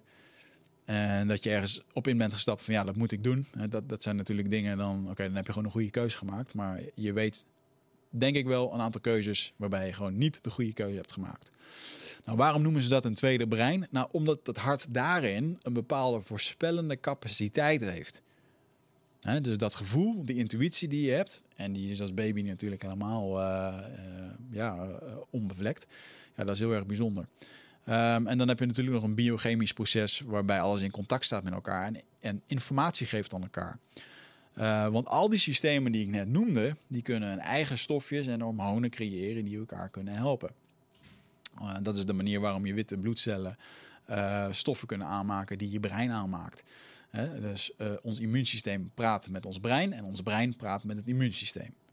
En um, wat ik een, een een mooie beschrijving vond, die ik in een van die onderzoeken las, was dat het immuunsysteem een drijvend brein wordt genoemd. Uh, waarom? Nou, het heeft een soort van, uh, het heeft een, um, uh, een leercapaciteit, een reactiecapaciteit en een geheugen. Dus ons immuunsysteem heeft een leercapaciteit, kan zich aanpassen, een reactiecapaciteit op wat er nu op dit moment gebeurt, en een geheugen. Het kan dus dingen onthouden. ja, dat is bizar. Dus hè, dat, we hebben zo'n ontzettend... Je lichaam is zo fucking intelligent. En we weten er zo ontzettend weinig van. Of we zijn er in ieder geval niet bewust van. Want niet iedereen studeert aan de medische school. Ehm, uh, of, of gaat hier veel onderzoek naar doen. Maar dit is wel de kern van waar jij mee rondloopt. Want alles wat je ervaart in je lichaam, of alles wat je ervaart in je leven, van liefde tot spirituele ervaringen, van uh, weet ik veel, magic mushroom trip tot en met visioenen, tot en met boosheid, tot en met pijn, tot en met liefde, ervaar je allemaal uh, in die zak die die botten bij elkaar houdt, waar je nu naar zit te kijken. En dat is heel erg bijzonder, hè, dat lichaam. En natuurlijk heb je ook nog een keertje uh, je, gut brain. En de gut brain is heel erg, dat is iets anders dan je hart. En je gut brain vertelt je vaak dat je iets niet moet doen, dat het niet pluis is. En dat voelde je daar. En dat heb je dan waarschijnlijk ook een keertje geweigerd. Ik heb deze week nog een keertje iemand in mijn huis gehad die mijn huis wilde huren. Waarbij ik een gevoel had waarvan ik dacht van ik moet dit niet doen. En mijn hoofd begon allemaal weer te denken, ja, nou misschien toch wel, misschien valt dat mee, misschien schat je het verkeerd in. Maar in dat ene moment, zonder erover na te denken, had ik eigenlijk al een beslissing gemaakt, onbewust, dat dat hem niet ging worden. Maar onze gedachten zijn natuurlijk zo ontzettend sterk of zo ontzettend uh, gevormd, ook door onze omgeving of wat onze ouders hebben verteld. Of nou, maar je, je maakt altijd de verkeerde keuzes. Ik denk dat ik, ik beschrijf het ook zo in mijn boek, ik denk dat ik heel veel keuzes in mijn jeugd heb gemaakt. Sorry, ik heb heel veel keuzes in mijn jeugd gemaakt die ik eigenlijk niet zelf heb gemaakt. Want ik achtte anderen veel capabeler over mij om keuzes voor mij te maken. Moeder, uh, leraren, uh, vrienden, uh, daardoor maakte ik uiteindelijk wel de keus. Maar eigenlijk alles uit voor mij gemaakt. Waarom? Gewoon geen zelfvertrouwen. Ik denk dat ik vooral, dit speelde denk ik vooral dat ik het me echt herinner. Uh, ik denk van mijn dertiende tot mijn achttiende jaar. En daarna ben ik wel wat meer voor mezelf uh, gaan staan. Maar zoiets heel erg ja, ehm, boeiend om daar eens voor jezelf terug te kijken hoe dat, dat bij jou werkte. Nou, dat gut feeling is normaal heel erg neutraal. En op het moment als je ergens loopt of in een steegje bent of je krijgt een bepaald telefoongesprek, dan kan je meteen dat gevoel hebben. En uh, normaliter is het zo dat je gedachten ervoor zorgen dat je bepaalde gevoelens krijgt. Dus als ik hier een, uh, een onzichtbaar touwtje heb, dan hebben we hier aan de linkerkant je, je gedachten en aan het uiteinde daar zitten je gevoelens. Um, dus ik zie de wereld, al die impulsen. Um, ik zie wat hier in de studio gebeurt of buiten of op het nieuws. Dat komt bij mij binnen. Ik ga erover nadenken. Ik ga door al mijn filtertjes van geschiedenis, religie, uh, overtuigingen, al die dingen gaat het heen. En vervolgens komt daar een bepaald gevoel uit. Maar dat is wat anders dat op het moment als ik nu een telefoongesprek heb en iemand uh, vertelt een of ander wazig verhaal tegen me of ik krijg wat te horen en dat ik meteen denk, ja, dit klopt gewoon niet. En uh, nou, bijvoorbeeld een heel grappig verhaal. Ik woon dan in Amsterdam en ik heb dat huis. Laatst belde er iemand op waarvan ik al me afvroeg van ja, mm, die belde dat hij, ik wil er niet um, negatief over zijn, maar die, had een, die noemde dat hij een bepaald beroep had. Waarvan ik dacht van ja, maar dan is mijn appartement misschien best wel duur voor je, maar goed. En vervolgens zei hij, kom jij zelf ook vaak langs? echt in een milliseconde voordat ik er überhaupt na over kon denken, ging dat gut feeling al aan van, wat is nou voor rare vraag? Dat als ik een, als ik een huis ergens huur of dat de eigenaar vaak langskomt. Ja, dan is het natuurlijk een 1 2 snel gemaakt en dan ga je er wat over nadenken. Uh, dat er misschien wel eens een wietplantage in kan komen. Um, maar ja, op dat moment wist ik gewoon instant van hé, hey, dit klopt niet. Uh, net zoals dat ik gisteren dus weer een gesprek had met iemand. de tweede, waarvan ik ook dacht van ja, dit gaat hem ook niet worden. Nou, dus uh, let wel jongens, er zit een diep verschil tussen jouw emoties en die gut feeling. En die emoties die zijn natuurlijk een spin-off van onze gedachten. Uh, en gut feeling, dat is gewoon eigenlijk altijd heel erg neutraal. Um, maar dat gaat instant aan. Een hele dierlijke uh, reactie is dat. En ons gut feeling zendt ook dus heel veel informatie naar ons brein toe en andersom. voor de mensen die depressief zijn geweest en die bijvoorbeeld Prozac slikken. Nou, in de maag wordt heel veel serotonine aangemaakt. Hè, ons gelukshormoon. En het wordt vanuit daar naar het brein toegestuurd. En, ehm, dat is eigenlijk een uh, uh, zo belangrijk is, ons, uh, is onze maag. Die, en onze gut is natuurlijk ook een ding. Door slecht te eten. Door als je ehm, met veel mensen hierover gehad in de studio, met Ralf Moorman, met nog een aantal andere gezondheidsspecialisten. Als die, die, die, die maag en darmen, als dat door de war ligt, is het één grote puinhoop. Dan kan je minder goed voelen. Ik heb zelf een burn-out gehad waarbij dus te veel cortisol is, dat ik niks meer opnam. Want je, ja, het geeft een bepaalde druk op je spijsverteringsstelsel, waardoor je gewoon eigenlijk alles uitpoept. Alle voedingsstoffen, alle dingen, je houdt niks meer binnen. Dus je kan ook niks meer aanmaken. En dus ga je je slap voelen, ga je je slecht voelen. Dat is een, hè, dat hele, weer, weer die verwevenheid. En um, ja, ik, denk dat dat dus een hele... Um, hele mooie is om eens naar te kijken. En in welke ehm, situaties dat je dit bij jezelf herkent, die bij jou uh, voorkomen. dus uh, die emoties, die, die, die, die zijn er ook veel eerder dan onze gedachten. Um, wacht even hoor. Ik zit even met een stukje plastic wat me aan het steken is. En een nieuwe kleding die ik heb gekregen. Um, dat als het gaat over onze, uh, onze emoties, is ons lichaam is echt een heel erg primair apparaat om ons te laten overleven. En dat kan eigenlijk alleen maar op het moment als we voelen. Want die baby, dat is het enige wat hij kan, die voelt. En op basis daarvan gaat hij overleven. Als ik gestrest ben, dan wil Lea niet met mij knuffelen. Waarom? Ja, die ervaart stress. Dus die hoeft er niet bij te zijn. Zo simpel is het. Alleen onze gedachten die zijn zo ontzettend sterk. En die creëren uiteindelijk ook onze realiteit. En ehm, nogmaals, de omgeving waarin we geboren worden, die waren uh, sorry, de omgeving was er eerst waarin we geboren worden. Die impulsen, die gaan dus je gedachten vormen. Dus alles wat je ja, in, die, uh, in die periode hebt meegemaakt, uh, je ouders, de boze buurman, de kinderopvang, de agressieve hond, je, je gestoorde broertje of je gewelddadige stiefvader, dat heeft je wereld, jouw blik op de wereld gevormd. Um, en ik denk dat iedereen voor zichzelf wel een verhaal kent. Dat als je toen je vroeger klein was, uh, dat er een moment was dat je je gut feeling vertelde dat je het niet moest doen en dat je het toch hebt gedaan. En, en ik ken het maar al te goed met uh, dingen die ik eigenlijk helemaal niet wilde doen, maar ik wilde niet onderdoen door vriendjes of wat dan ook. En bijvoorbeeld zo'n ding dat een paar vriendjes vragen je om wat te doen. Je hebt er al een beetje gevoel bij van nou, ze zouden maar hier wel eens kunnen naaien voor de gek kunnen houden. Vervolgens doe je het toch maar om te laten zien dat je niet bang bent. En vervolgens word je in de zijk genomen met iets, zit iedereen te lachen. Een heel simpel voorbeeld. Um, en als kind ben je gewoon zo onbevlekt en authentiek. Alleen je groeit dus op en langzaam word je gedwongen om die authenticiteit van wat je echt denkt of wat je echt voelt of wat je echt wilt, om dat langzaam te gaan onderdrukken. Uh, maar die onderdrukking, die is nodig uh, om te kunnen overleven. En dan is het dus niet heel erg gek dat je nu 35, 40 of 50 jaar bent en dat je jezelf nog steeds onderdrukt. Um, want die kern, uh, de kern daarin is super simpel. Uh, als je authentiek bent, dan, uh, dan ben je niet geliefd. Zo simpel is het. En als je niet geliefd bent, dan overleef je niet. En ik denk dat, uh, dat wij vandaag de dag, als je dit inzicht over jezelf kan hebben, dat, uh, ja, uh, dat je voor jezelf heel veel dingen kan verklaren over hoe dat je je nu eh, gedraagt, maar vooral over hoe dat je je nu voelt in bepaalde situaties. Dus hoe staat het op dit moment met je leven? Waar ben je mee bezig? Hoe voelt het in je relatie? Eh, is het optimaal? Wat zijn je verlangens? Wat zijn je behoeftes? dat is een hele belangrijke vraag. Um, wat zijn je verlangens en waar ben je op dit moment mee bezig? Wat ben je aan het doen? Ben je naar het toewerken naar die verlangens. En uh, dat is dus een bepaald gevoel. Eh, ben je bezig om dat gevoel ook te voeden? Ben je bezig om daar naar te luisteren? Waarom is dat belangrijk, lieve mensen? Omdat uh, als je nu niet gaat kiezen om tussen hechting of authenticiteit te gaan kiezen, dan ga je er vroeg of laat kapot aan, letterlijk. Of je wordt er ziek van. Maar uh, als je nu blijft zitten in dat, in dat bootje van, van hechting, geliefd blijven, uh, doen wat anderen zeggen, uh, niet je eigen mening durven vertonen, niet naar je gevoel kunnen luisteren, of we gaan kiezen voor authenticiteit.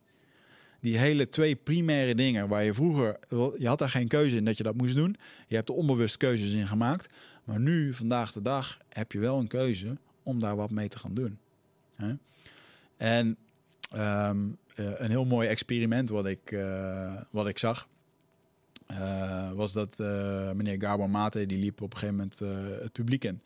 En ehm, die zei tegen iemand, joh, die stoel waar jij nu in zit, dat is gewoon heel jouw leven. Hij zegt, ik kom nu bij je staan. Ging hier drie meter voor staan. En toen zei hij van, ehm, vind je het goed als ik hier de hele dag blijf praten en hier de hele dag ehm, gewoon blijf staan? Dus hij zei, ja, geen probleem. Kwam die nog wat dichterbij staan, stond hij een meter voor hem. Zo, en nu? Zei ze, nou, op zich nog geen probleem. Hij doet nog een stap naar voren. Ehm, eh, en die vrouw zei eerst nog een beetje gekscherend. Nou, het wordt nu al heel erg eh, close, maar uh, vooruit, het zou nog wel kunnen. Nou, vervolgens zet hij één knie bij haar op de knie. En toen zei ze van ja, nou, nu, nu vind ik het te ver gaan. Nu sta je in mijn personal space. toen zei hij ook van wat ervaar je dan nu? Zei ze ja, angst en woede. En ehm, hij legde daarin heel mooi uit. Het is gewoon een heel erg natuurlijk proces. Waarbij eerst de angst komt en dan de woede. Oftewel, en dan die woede is niet erg, want die woede is een gezonde manier van je grenzen aangeven. Het is een defensiemechanisme om jouzelf te beschermen. Heel primair. En die gezonde woede die zegt feitelijk, je zit in mijn space, zorg dat je weggaat. En gezonde woede is in het nu. Je bent nu boos. Uh, mijn dochtertje is nu boos, loopt te schreeuwen, loopt te gillen, loopt te tieren. En vijf, vijf seconden later kan het alweer oké zijn. Zitten we te lachen en uh, weet ik veel, gaan we leuke dingen doen. Nou, ongezonde woede is dat weer het boos op zijn kantoor zit. Zit te fitten over dat bepaalde dingen niet goed zijn. Uh, dat er bepaalde deadlines zijn die eraan komen in de toekomst. En dat het eerder al een keertje niet goed is gegaan. Nou, dat soort dingen. En daar word je natuurlijk uiteindelijk ziek van. En dat is natuurlijk, je hebt ook nog ongezonde woede van mensen die gewoon echt fucking boos zijn op het leven. Ik ken heel veel ouders van mensen die eigenlijk gewoon in de kern fucking boos zijn. En waarom? Ik heb geen idee. Um, maar waarschijnlijk omdat ze dezelfde soort dingen hebben meegemaakt die we nu aan het bespreken zijn. En um, um, ik denk dat het hierin heel erg belangrijk is dat er een uh, dat je natuurlijk ook de balans ziet dat er ook bepaalde mensen zijn die je heel graag naar je toe wilt trekken. Want als mijn vriendin bijvoorbeeld dicht bij mij komt, of uh, Lea, de baby, dan vind ik dat fijn. Hè? En, en ik zou hier bijvoorbeeld in zeggen, hier zit ook nog een tussenmoot in. Ben ik onlangs achtergekomen. Dat Marieke is ontzettend van het knuffelen en van het vasthouden. En op het moment als ik dus niet zo lekker in mijn vel zit, uh, dan vind ik het dus heel erg moeilijk om mensen te knuffelen en vast te houden. En um, dat klinkt best wel raar, van ja, iedereen vindt dat toch fijn, maar ergens is er iets in mij die dan misschien, ik, ik ben er nog niet helemaal achter, het is een soort van ontdekkingsreis van op dit moment. Van waar, waar ben ik dan bang voor? Omdat dan, ben ik dan bang om iets te ontvangen? Of ben ik dan, ben ik dan zelfs wel bang een beetje om, die, om echt die liefde te voelen? Of, of is het een soort van uh, afstand houden? Hè? Want dat kan ook een soort van beschermingsmechanisme zijn. Kom maar niet te dicht bij me, want het zou kunnen zijn dat je misschien ooit bij me weggaat. Nou, dat is natuurlijk eerder gebeurd. Zou ik terug kunnen betrekken op mijn vader. Uh, en het is natuurlijk ook wel een beetje de, ik noem dat wel eens de persoonlijk leiderschapsziekte. Uh, als je een beetje intelligentie hebt en je bent hiermee bezig dat je op een gegeven moment alles voor jezelf wilt gaan verklaren en wilt gaan rationaliseren. Maar dat is natuurlijk, ja, en zeker als je dat zelf gaat doen, dan ga je voor jezelf een soort verhaal bedenken. En gisteren sprak ik toevallig eventjes met een psycholoog aan de telefoon. En uh, die vertelde al een aantal dingen waarvan ik dacht van, oh shit, dat zou het ook wel eens kunnen zijn. Dat is gewoon mijn eigen blinde vlek, daar kan ik dan weer niks mee. Hè? Dus het is heel erg moeilijk om dat bij jezelf in ieder geval um, te, kunnen, te kunnen verklaren. Uh, eventjes terug naar het voorbeeld van de stoel. Oftewel, je emoties vertellen waar je meer van wilt of waar je minder van wilt. Uh, en nodig alsjeblieft die gezonde emoties uit. Dus als je nu gewoon geen gezonde emoties hebt op je werk uh, of in je relatie, ja, dan moet je daar mee aan de slag. en anderzijds, zorg dat je bedreiging en gevaar buiten de deur houdt. Hè, want je kan het ook heel erg normaal vinden dat je daarin zit. Uh, toen ik tien jaar in, in, het huis woonde waar altijd geweld was en waar altijd uh, verbaal fysiek geweld was en emotioneel, uh, was het mijn eerste vriendin die zei van joh, weer wat hier gebeurt na een dag. is echt niet normaal. En dat was voor mij een soort van eye-opener van wow. Ja, ehm, als je dus in het potje zit, dan kan je niet op het etiket kijken. En dat was exact waar ik in zat. Um, oftewel, je emoties vertellen vertellen heel erg goed waar je meer van wilt, wat je minder wilt. Als je enthousiast bent, lieve mensen, ga alsjeblieft doen waar je enthousiast van wordt. Weet je? Ik vind het af en toe zo, uh, soms vinden mensen het lastig om, dan vraag ik wel eens van jongens, wat wil je nu met je leven? Ja, ik weet het niet. Oké, wat vind je leuk? Ja, ik vind het leuk om naar uh, dansfeesten toe te gaan. Oké, ga dat doen. Ga daar meer mee doen. Ja, maar kan toch geen eh, feestjes organiseren? Die zijn er al zoveel, dan krijg je dat soort bullshit. Nee, maar het is wel hetgene wat je echt leuk vindt, waar je naar uitkijkt. Dus ga ermee doen. Ga er wat mee doen, weet je wel. Um, en dat is zo simpel om dat maar te negeren. Uh, en de redenen daarvoor, goed, dat zijn natuurlijk je eigen diepe zoektochten die je zelf mag afgaan in, in je eigen geest waarom je bepaalde dingen niet doet. Maar um, hè, dus uh, blijdschap, enthousiasme, uh, maar ook het gevoel van dit is gewoon niet goed, die vertellen je heel erg veel. en zorg dat je daarna leert luisteren en dat je dat ook een beetje gaat omarmen. Want um, wat, wat doet natuurlijk het immuunsysteem? Op goede gevoelens, ja, ik dacht hetzelfde. Op het moment dat jij je goed voelt, gaat jouw immuunsysteem ook op een goede manier werken. En dan is alles gewoon in balans. Op het moment als je continu, en dat heeft er weer mee te maken met die, uh, met die psychosociale uh, en je omgevingsfactoren, uh, sorry, je bio, psycho en sociofactoren, als dat dus niet goed is, of niet in balans is, ja, dan, dan gaat dat een bepaalde respons geven op je immuunsysteem.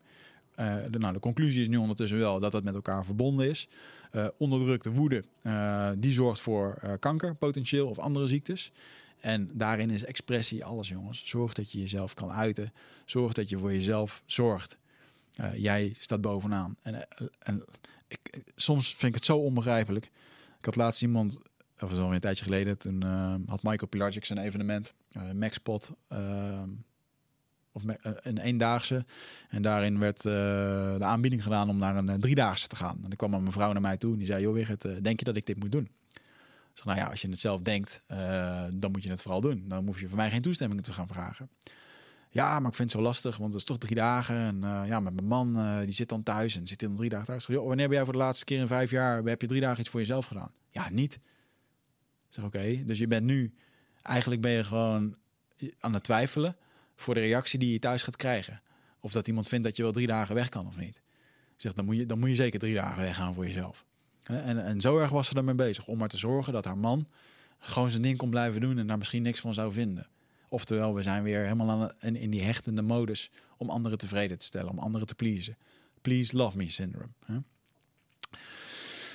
Um, nou, wat gebeurt er op het moment dat we onze emoties niet, niet kunnen uiten? Nou, dan, krijgen we een soort van depressie. Hè?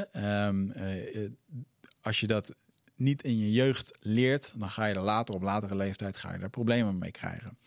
Uh, of, of, je krijgt in één keer te horen dat je een genetische ziekte hebt. Maar we zijn er dus nu achter. Die Bruce Lipton zei dat ook. Ik geloof dat maar 3 of 5 procent van de meeste ziektes uh, te maken heeft met genetica. De rest heeft gewoon te maken met omgeving. Wat is de reden dat al die chronische ziektes, al die spierziektes, al die andere dingen, uh, vele vormen van kanker, niet voorkomen bij die Indianen waar ik kom? En waar zij dit gekscherend gewoon westerse ziektes noemen. Dat is gewoon omdat het gewoon westerse ziektes zijn, omdat we het zelf creëren. Door onze omgeving, door onze psychologie en door onze sociale uh, omgeving en onze, onze biologie die we dan daarmee aan het beïnvloeden zijn. Nou, um, is natuurlijk een hele hoop over wat allemaal fout doen zijn, maar gelukkig is er ook nog een soort van oplossing. En um, de, de leraar van deze dokter Gabor Mate, die, die vatte dat heel mooi samen. En die zei, we zijn de connectie verloren met onze essentie. En um, dat is veel belangrijker in dit hele verhaal dan je vader of moeder die je verlaten, mishandeld of misbruikt heeft. Is veel belangrijker dan de liefde die je bewust of onbewust uh, gekregen hebt of niet. Dat is allemaal het verhaal wat we onszelf vertellen. Uh, maar dat betekent eigenlijk dat we daarmee het probleem leggen bij de anderen. Hij heeft me niet gesteund. Ik ben niet geliefd. Uh, ik, ik, heb nooit de vader gehad. Ik ben uh, misbruikt. Ik ben dit. Bla bla bla. En natuurlijk, dat zijn super erge dingen die impact hebben. Maar als we er zo naar kijken, dan kom je dus ook nooit van dit probleem af. want dan, dan blijft het iets externs. maar wat er eigenlijk is gebeurd, in die situatie, is dat je jezelf hebt gedisconnect van je eigen essentie, van je eigen authentieke zelf. En vorige keer in de podcast, in deel 1 hiervan, hebben we het, uh, hebben we het er uitgebreid over gehad. Over die, uh, die staat van zijn waarbij je jezelf afsluit van de wereld. Dus op het moment als er iets gebeurt, uh, je krijgt een bepaalde shockreactie. Dan komt er een, een, een, een bepaalde dat noemen ze een disassociatieve staat. Oftewel, eh, er gebeurt zoiets ergs waardoor je een soort van uitcheckt. Dat je er niet bent. Het meest makkelijke voorbeeld is dat, uh, wat, ik, wat ik vorige keer mee opende volgens mij met een verhaal, was van een meneer die uh, uh, een jager of iemand die in een oerwoud bezig was, die werd gepakt door een tijger. Uh, maar die tijger die had hem niet gedood, omdat hij hem naar zijn jonkies bracht, zodat zijn jonkies ermee konden spelen, zodat ze konden leren jagen. En die man die heeft gewoon een, eh, een aantal, uh, ik geloof drie kwartier, in die staat half verdoofd gelegen. Waarin hij alles nog wel een soort van kon waarnemen, waarbij hij de pijn niet kon voelen. Waarbij hij niet, uh, waarbij hij niet echt in angst zat. Waarbij hij in een soort van uh, extase zat en het gewoon kon observeren. En dat is gewoon een heel primair systeem. Um, ja, om, om een soort van uit te checken, om weg te zijn van de pijn. Ehm, ik merk het zelf bijvoorbeeld ook dat op het moment als ik oneenigheid heb met uh, thuis, dan, uh, dan komt er bij mij ook een soort staat waarbij ik helemaal niks meer voel, waarbij ik helemaal niet, uh, waarbij ik echt voel alsof ik net een klap op mijn kop heb gehad met een ijzeren pijp. Dus je een soort van ja, shell shocked zeg maar. En, voor iedereen zal het verschillend zijn. Um, maar dat moet je dus wel voor jezelf leren kennen. Nou, um, misschien heb je ooit eens een keertje wat meegemaakt in je leven waarbij je dit kent. Of misschien ben je zelfs bepaalde herinneringen weg gaan duwen. Of misschien heb je zelfs, uh, ben je er zelfs achter gekomen. Um, ik ken iemand die op zijn achttiende erachter kwam dat hij op zijn zevende uh, verkracht is door iemand van 14 jaar. Dat is bizar. En die heeft dat gewoon weggeduwd al die jaren. En door middel van een psychedelische sessie kwam dat op een gegeven moment helemaal naar voren en had hij dat weer helder. Um, en, kon hij dat op die manier een plek geven. Dat zijn natuurlijk super heftige verhalen. En um, kijk jongens, trauma is natuurlijk gewoon een, een litteken op je ziel of op je, of je, op je, je karakter of op je persoonlijkheid. Dat gewoon pijn doet op het moment dat je er ergens aan herinnerd wordt. En, en traumaverwerking is daarin wel heel erg belangrijk, want alles is met elkaar verweven. Dus blijf je met trauma rondlopen, los je het niet op, ja, dan, dan, dan heb je dus een, eigenlijk een auto die rondrijdt waar gewoon een probleem mee is waar iets in niet goed werkt of niet goed functioneert. En op het moment dat je maar lang genoeg zonder olie rondrijdt, en dan gaat dan vanzelf andere dingen ook kapot. Daarom ben ik zo ontzettend bezig met ja, het opschonen van jezelf. Gewoon uh, als het nu gaat om overtuigingen of over trauma of over wat dan ook. Uh, ja, heel erg belangrijk om daar goed naar te kijken. Het goede nieuws is dus dat, um, dat op het moment als je die connectie met jezelf vindt, want jullie hebben nu, als ik er normaal tegen je zou zeggen, jongens, het gaat allemaal met de connectie met jezelf, dan zou je denken, ja, ja, tuurlijk, maar hoe doe ik dat dan? Nou, uh, je weet nu de reden waarom die hechting zo'n ontzettende uh, over, uh, waarom die hechting zo'n ontzettend overwicht heeft aan een stukje over tegenover. Waarom? Ik kom niet meer uit mijn woorden. waarom de hechting zo'n ontzettend overwicht heeft op de authenticiteit. En de authentieke jij, die gewoon weet wat hij wil, die donders goed voelt wat goed voor hem is. En die ook nog een keertje doet wat hij leuk vindt. Dat is eigenlijk wie, wie ik gun dat je gaat worden of die je bent. En onlangs uh, deed ik een uh, ayahuasca-ceremonie. Uh, laatste tijd doe ik het weer regelmatig. Doe ik het gewoon voor mezelf. dan huur ik ergens een Airbnb en dan ga ik gewoon ergens zitten. Uh, dat doe ik uh, enerzijds uh, voor inspiratie voor mijn boek, maar anderzijds ook ja, om, om mezelf een beetje te ontwikkelen als het gaat om te kunnen opereren in de, de realm of ayahuasca en, en in mijn eigen bewustzijn. Ik heb ondertussen genoeg sessies gedaan dat ik ja, dat het goed voelt. En toen kreeg ik een hele mooie boodschap van het medicijn. Want ik had ook wel, ja, wat er allemaal in de wereld gebeurt op dit moment, vond ik ook wel heftig. Namelijk af en toe ook wel mee naar huis. Dus ik ook over na te denken. En uh, toen zei het een, had het een hele mooie boodschap. Toen zei het, uh, het medicijn laat ons herinneren wie dat we zijn. En, en dat, lieve mensen, dat is echt alles wat we nodig hebben uh, om de rotzooi in de wereld op te lossen, maar ook in onszelf. Het, en dat medicijn, dat laat ons herinneren wie we zijn. Zeg je nu weer dat iedereen ayahuasca moet gaan doen? Nee, alsjeblieft niet. Maar het medicijn is, was in dit geval eventjes ayahuasca. Maar het medicijn kan ook yoga zijn. Of het medicijn kan ook zijn dat je naar een psychotherapeut gaat. Of dat je EMDR doet. Of dat je, weet ik veel wat, voortaan met vrienden. Of dat je bij een uh, mannencirkel gaat om eens een keertje uh, na 40 jaar over je gevoelens te praten. Of dat je uh, eindelijk gaat doen wat je echt leuk vindt in je werk of in je ondernemen. Hè? Dus um, het medicijn is gewoon hetgene wat voor jou werkt, wat goed is. Wat je terugbrengt brengt bij jouw kern. En um, ja, ik vind het natuurlijk ontzettend gaaf om, om hiermee aan de slag te gaan. Um, en dat doe ik onder andere in, uh, in Rite of Passage retreats. Um, vorige keer uh, heb ik daar wat over verteld in de podcast. Want alles wat ik nu heb verteld, um, ja, dat, dat is wel wat ik daarin meeneem. Rite of Passage is een retreat wat ik bewust heb opgericht om mensen terug te brengen naar die kern, om al die lagen eraf te pellen. En dat doen we in drie dagen. Hoe doen we dat? Ja, door gewoon fucking oncomfortabel te worden. En waarom zeg ik dat? Nou, omdat als je dat niet wil, als je dus niet uh, wil gaan kijken naar die stukken waar je nu zo'n ontzettend uh, moeite mee hebt of waar je een bepaalde pijn voelt, um, dan betekent dat dat je heel erg veel uh, in, in die hechtingskant blijft zitten. terwijl jezelf durven laten zien, durven gaan kijken naar wat je zelf wil, durven gaan voelen, naar je, durven voelen met je eigen gevoel, durven te kijken naar je eigen verlangens Dat is best wel confronterend. En daarom is persoonlijk leiderschap ook gewoon niet voor iedereen uh, geschikt. Ik bedoel, ik ben super blij dat jullie deze podcast luisteren. Als je nu nog steeds luistert, helemaal shout-out naar jou. Geef jezelf een high five. Hoorde ik laatst in het publiek zeggen bij iemand. Vond ik een hele goeie. maar um, in ieder geval, eh, het is, een, het is gewoon een reis die je met jezelf moet aangaan. En als je aan sommige mensen al vraagt van... joh, wat wil je nou voor vijf jaar? Dan krijgen ze stress, omdat ze dit niet weten.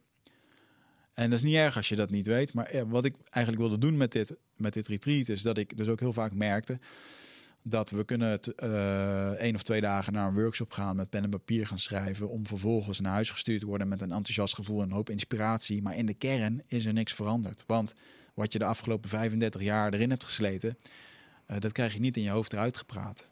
Want het gaat allemaal op hoofdniveau. Je krijgt veel informatie binnen. Natuurlijk doet dat wel met je lichaam. Maar uiteindelijk gaat het erover, dat gevoel. Nou, dat retreat, Rite of Passage, is ervoor, uh, is bedoeld om je terug te brengen bij die kern om al die lagen eraf te schrapen. Nou, daar zijn verschillende methoden voor. Het programma is geheim. Uh, waarom doe ik dat? Nou, uh, je zal nu misschien al hebben, nou oké, het wordt ongemakkelijk. Het programma is ook onbekend. Um, nou, het geeft best wel wat spanning. Nou, welkom. Dat is de oncomfortabelheid waar ik heel in eerste al in mee wil nemen. Want op het moment dat ik je nu ga vertellen exact wat we gaan doen, dan komen we weer in, uh, in, in het wereldje waar alles te controleren is, waar alles te voorspelbaar is. Waar je jezelf misschien uh, onderuit kan lullen, waar je al misschien dingetjes kan bedenken met het ego of met je gedachten om bepaalde dingen op een bepaalde manier te gaan doen. En dat neem ik helemaal weg. En, en, en dat stukje, uh, dat is juist waar een stuk ongemak ligt, maar ook waar de groei ligt. En, en iedereen die, zo meteen op het einde hiervan krijg je nog een filmpje te horen van wat, wat mensen die dit hebben geluisterd sorry, die hebben meegedaan en hun reactie daarop geven. En dan zie je toch een hele hoop uh, uh, mooie reacties. Dat je, je moet eventjes door het ongemak heen. Nou, uh, het programma bestaat uit vier verschillende delen. Ehm, bio-energetische oefeningen. Dat betekent, je hebt in jouw, in, in jouw lichaam heb je een biologische hoeveelheid energie. En die kan je verplaatsen. Die energie die kan in je hoofd zitten. Oftewel, je zit heel veel in je hoofd. Die energie die kan ook weg zijn. Oftewel, um, je respons in je lichaam, waardoor je wat minder voelt. Uh, en die biologische, sorry, de bio-energetische oefeningen, die uh, leren je om de energie in je lichaam te kunnen gaan verplaatsen. En nogmaals, voor mij heeft het nooit, heeft het wel tot een beperkte hoogte gewerkt om een boek te lezen en wat dingen in te vullen. Maar ik denk dat we nu duidelijk hebben gemaakt in deze podcast dat het gaat over het lichaam, over het voelen. Dus wat ga je doen? Je gaat in die drie dagen, ga ik je uh, vanaf dag één in je lichaam laten komen. En dan ben je weg van het denken en kom je terug in het voelen. En dan zul je in één keer zien dat daar een hele hoop emoties liggen die je kan oplossen. Uh, dat die gedachten er niet meer zijn. En bij de ene gaat dat sneller dan bij de andere. Sommigen zitten nog wel eens in gevecht daarmee. Maar uh, ik kan je garanderen dat ik je terugbreng naar een plek uh, waar je lang, lang niet bent geweest. En op het moment als we al die lagen eruit hebben, eraf hebben gepeld, dan kom je dus in één keer bij jouw authentieke zelf terecht. Um, en die heeft een hele hoop uh, vragen voor je en een hele hoop antwoorden. Hè? En een van de andere methodes zijn dynamische meditaties. Nou, de naam zegt het al. Een meditatie die dynamisch is, dat betekent dat je daarbij gaat bewegen. Want ik vond het altijd heel erg lastig om op een kussen te gaan zitten en dan een half uur stil te gaan zitten. Uh, het werkt voor mij veel beter om eerst alle energie eruit te werken, om vervolgens dan te gaan zitten. En um, ja, dat zijn best wel. Uh, Soms is het wel eens lastig voor mij, omdat ik het best wel vaak doe. Uh, is het voor mij normaal geworden. Maar voor mensen die ik hier voor het eerst dan blootstel, die zeggen wel: wow, dit was echt wel gewoon uh, uh, een van de meest effectieve oefeningen voor mezelf. Om, en waarom? Gewoon om mezelf te ontladen. Bij wijze van spreken, ik ga je nu een half uur helemaal afmatten om vervolgens te laten mediteren. Dan mediteer je heel anders dan dat jij na een dag werken thuis komt en dan een half uur gaat zitten. Wanneer je hoofd vol zit en er nog allemaal dingen spelen, ben je vaak heel erg onrustig. Zo moet je het een beetje vergelijken. Dus dat is een hele mooie manier om wat dieper in je lichaam te dalen. Uh, en daarnaast, er zijn verschillende soorten oefeningen voor. Ik vertel ook niet bij uh, wat dat dan verder is. Uh, die moet je gewoon gaan ervaren. Um, en daarbij zit natuurlijk het stukje um, persoonlijk leiderschap. Want ik vind wel de dingen die we hier benoemen, um, kunnen misschien wat spiritueel ogen of wat, wat poeha-achtig. Ik heb het hier over energie en dat soort dingen. Um, anderzijds, uh, persoonlijk leiderschap heeft er wel gewoon mee te maken dat je um, nadenkt met je verstand, wat je ook hebt gekregen. Uh, omdat ik vind dat er een bepaalde samenwerking tussen dat gevoel en je hart moet komen eh, en je verstand. Want puur zang je hart volgen, daar zijn heel veel mensen ongelukkig van geworden. Ik zeg morgen mijn baan op, ik ga een blog beginnen over uh, foodie dingen, over avocado's. En uh, het komt vanzelf wel goed, want ik ben mijn hart aan het volgen. Dat is geen, dat is geen plan, jongens. gewoon op de juiste manier iets naar je toe trekken. dingen hebben tijd nodig, dingen hebben aandacht nodig, dingen hebben een bepaalde rust nodig. Want op het moment dat jij straks geen geld hebt of je bent niet goed voor jezelf aan het zorgen, dan komt er een bepaalde stress. En in die stress kan het niet stromen. Zal er geen creativiteit zijn en zal je vrij snel weer terug gaan neigen naar dingen die niet authentiek zijn. Want je gaat jezelf slecht voelen. En als je jezelf slecht gaat voelen, dan ga je slecht functioneren, ga je slecht denken, et cetera. Dan kom je weer in die molen. Dus persoonlijk leiderschap, uh, hands-on over wat je nou wil met je leven. Wat wil je nu precies? Uh, wat is belangrijk voor jou? Niet voor je partner, niet voor je kinderen. Wat wil jij nu? En ik heb al verschillende mensen gehad op mijn retreat die hele belangrijke keuzes hebben gemaakt met betrekking tot hun kinderen, met betrekking tot de omgang in een relatie, uh, of met een scheiding wel of niet doen, of doorgaan of niet. Uh, dat zijn gewoon wel hele mooie dingen die, die dan in één keer naar boven komen.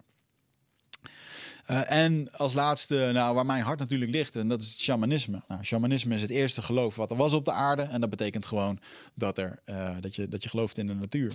Ik geloof niet in religies en al die andere dingen.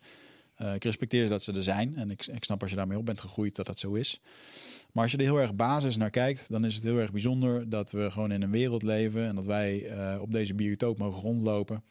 Um, uh, met andere dieren, met andere planten en, en, wat ons eigenlijk gewoon gecreëerd heeft. Hè. De natuur zie ik daarmee als een soort van god. En dat is eigenlijk wat het shamanisme is. En dat is wat mijn vrienden in de jungle doen. De natuur is gewoon hetgeen wat je kan genezen.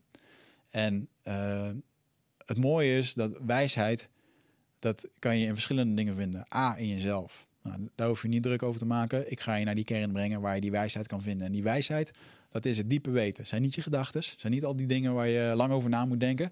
Dat is gewoon dat je erover nadenkt en dat je het weet. En dat kan soms overschaduwd worden door de gedachten die we hebben.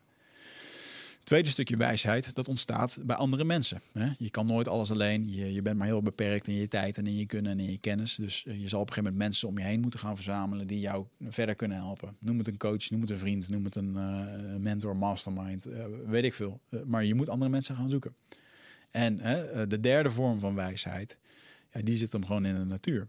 Want de natuur vertelt ons ontzettend veel. En op het moment dat we de wijsheid met onszelf kwijt aan het raken zijn, uh, dan is het goed om jezelf terug te trekken in de natuur. Want in die stilte, in die ruimte, daar vind je ontzettend veel antwoorden. Nou, en in, dit retreat doen we dat onder andere A, door op een mooie plek in de natuur te zijn. B, uh, door middel van een zweetuitsessie. Omdat een zweetuitsessie ervoor zorgt, nadat je al een tijdje bezig bent geweest, um, dat, dat alle lagen er al af zijn. En dat je dan op een gegeven moment op een plek komt, uh, in het donker, geen geluid. Dus je zintuigen worden als het ware uitgesloten van het denken. En dan in één keer ben jij er gewoon alleen maar met jezelf. En laten we wel weten, lieve mensen, wanneer nemen we nou nog een keertje tijd met onszelf? En dat we ook nog een keertje in een situatie zitten dat we gedwongen worden om over bepaalde dingen te na te denken en daar beslissingen op te maken.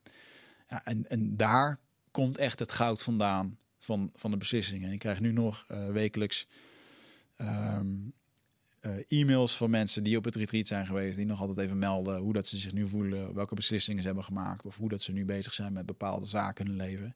Um, en dat is echt, voor mij is dit het mooiste werk uh, wat er is. En dit, uh, ik hoop dit ook absoluut uit te gaan breiden in de toekomst. Ik weet nog niet allemaal wat het gaat brengen. Uh, voor nu zit eventjes alle focus op het boek wat, wat 19 oktober in de winkel zal gaan liggen. Maar eh, als je nu zoiets hebt van ja, weer dit vind ik vet, ik wil dit graag met je, met je aangaan, nou, dan heb ik nog vijf plekken vrij op het Rite of Passage Retreat uh, in september. En uh, dan moet ik heel eventjes uh, spieken. 11, 12 en 13 september is het. Um, en nou goed, ik heb, er nog, ik heb er nog vijf plekken voor. Als je erbij wil zijn, dan moet je eventjes naar mijn website gaan. daar zie je gewoon wichertmeerman.com en bovenaan zie je retreat. En daar kan je een, een, een plek kopen. Uh, de investering die nu is, is 847 eh, euro. Drie dagen lang, mooie locatie in de natuur, goed eten. Um, diep werk, mooie dingen gaan eruit komen. En laten we vooral ook heel veel gaan lachen en flauwe opmerkingen maken.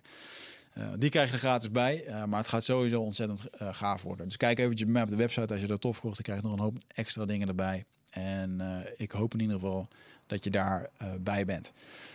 wat je ook gaat doen, Uh, zorg in ieder geval dat je deze informatie tot je neemt. En zorg ervoor dat je jezelf. Uh, ja, neem eens, een keer de, uh, neem eens een keer de tijd voor jezelf om te beslissen. of dat je nu bezig bent met het oude hechtingstuk. Of met dat stukje authentiek zijn. en, en je weet nu ook wat de gevolgen zijn op het moment dat je het niet doet. Dus ik hoop dat je voor jezelf en voor je naasten. dat je een, een hele gezonde keuze gaat maken. Dankjewel voor het luisteren. Tot de volgende keer. Verbinding, krachtig, veel in beweging. Ja, toch wel uh, heel bijzonder. Ja, broederschap, verbinding, kracht. Verrassend, bijzonder en liefdevol. Oncomfortabel, loslaten, inzichten, verbondenheid, vriendschap. Uit je comfortzone, ontlading, inzichten, verbondenheid, broederschap en zusterschap. Oncomfortabel, broederschap, vriendschap, prettig. Ook wel prettig. Confrontatie, ontwikkeling, transformatie. Confronterend, liefdevol, acceptatie, warm, zorgzaam, gezellig ook. die vooral. Puur, overweldigend, extreem. Uitdagend, leerzaam, ja heel bijzonder. Energie, bewegen, body-mind, connectie. Verbinding, liefde, inspiratie, uh, dat zijn wel woorden die me bij zijn gebleven. Ja.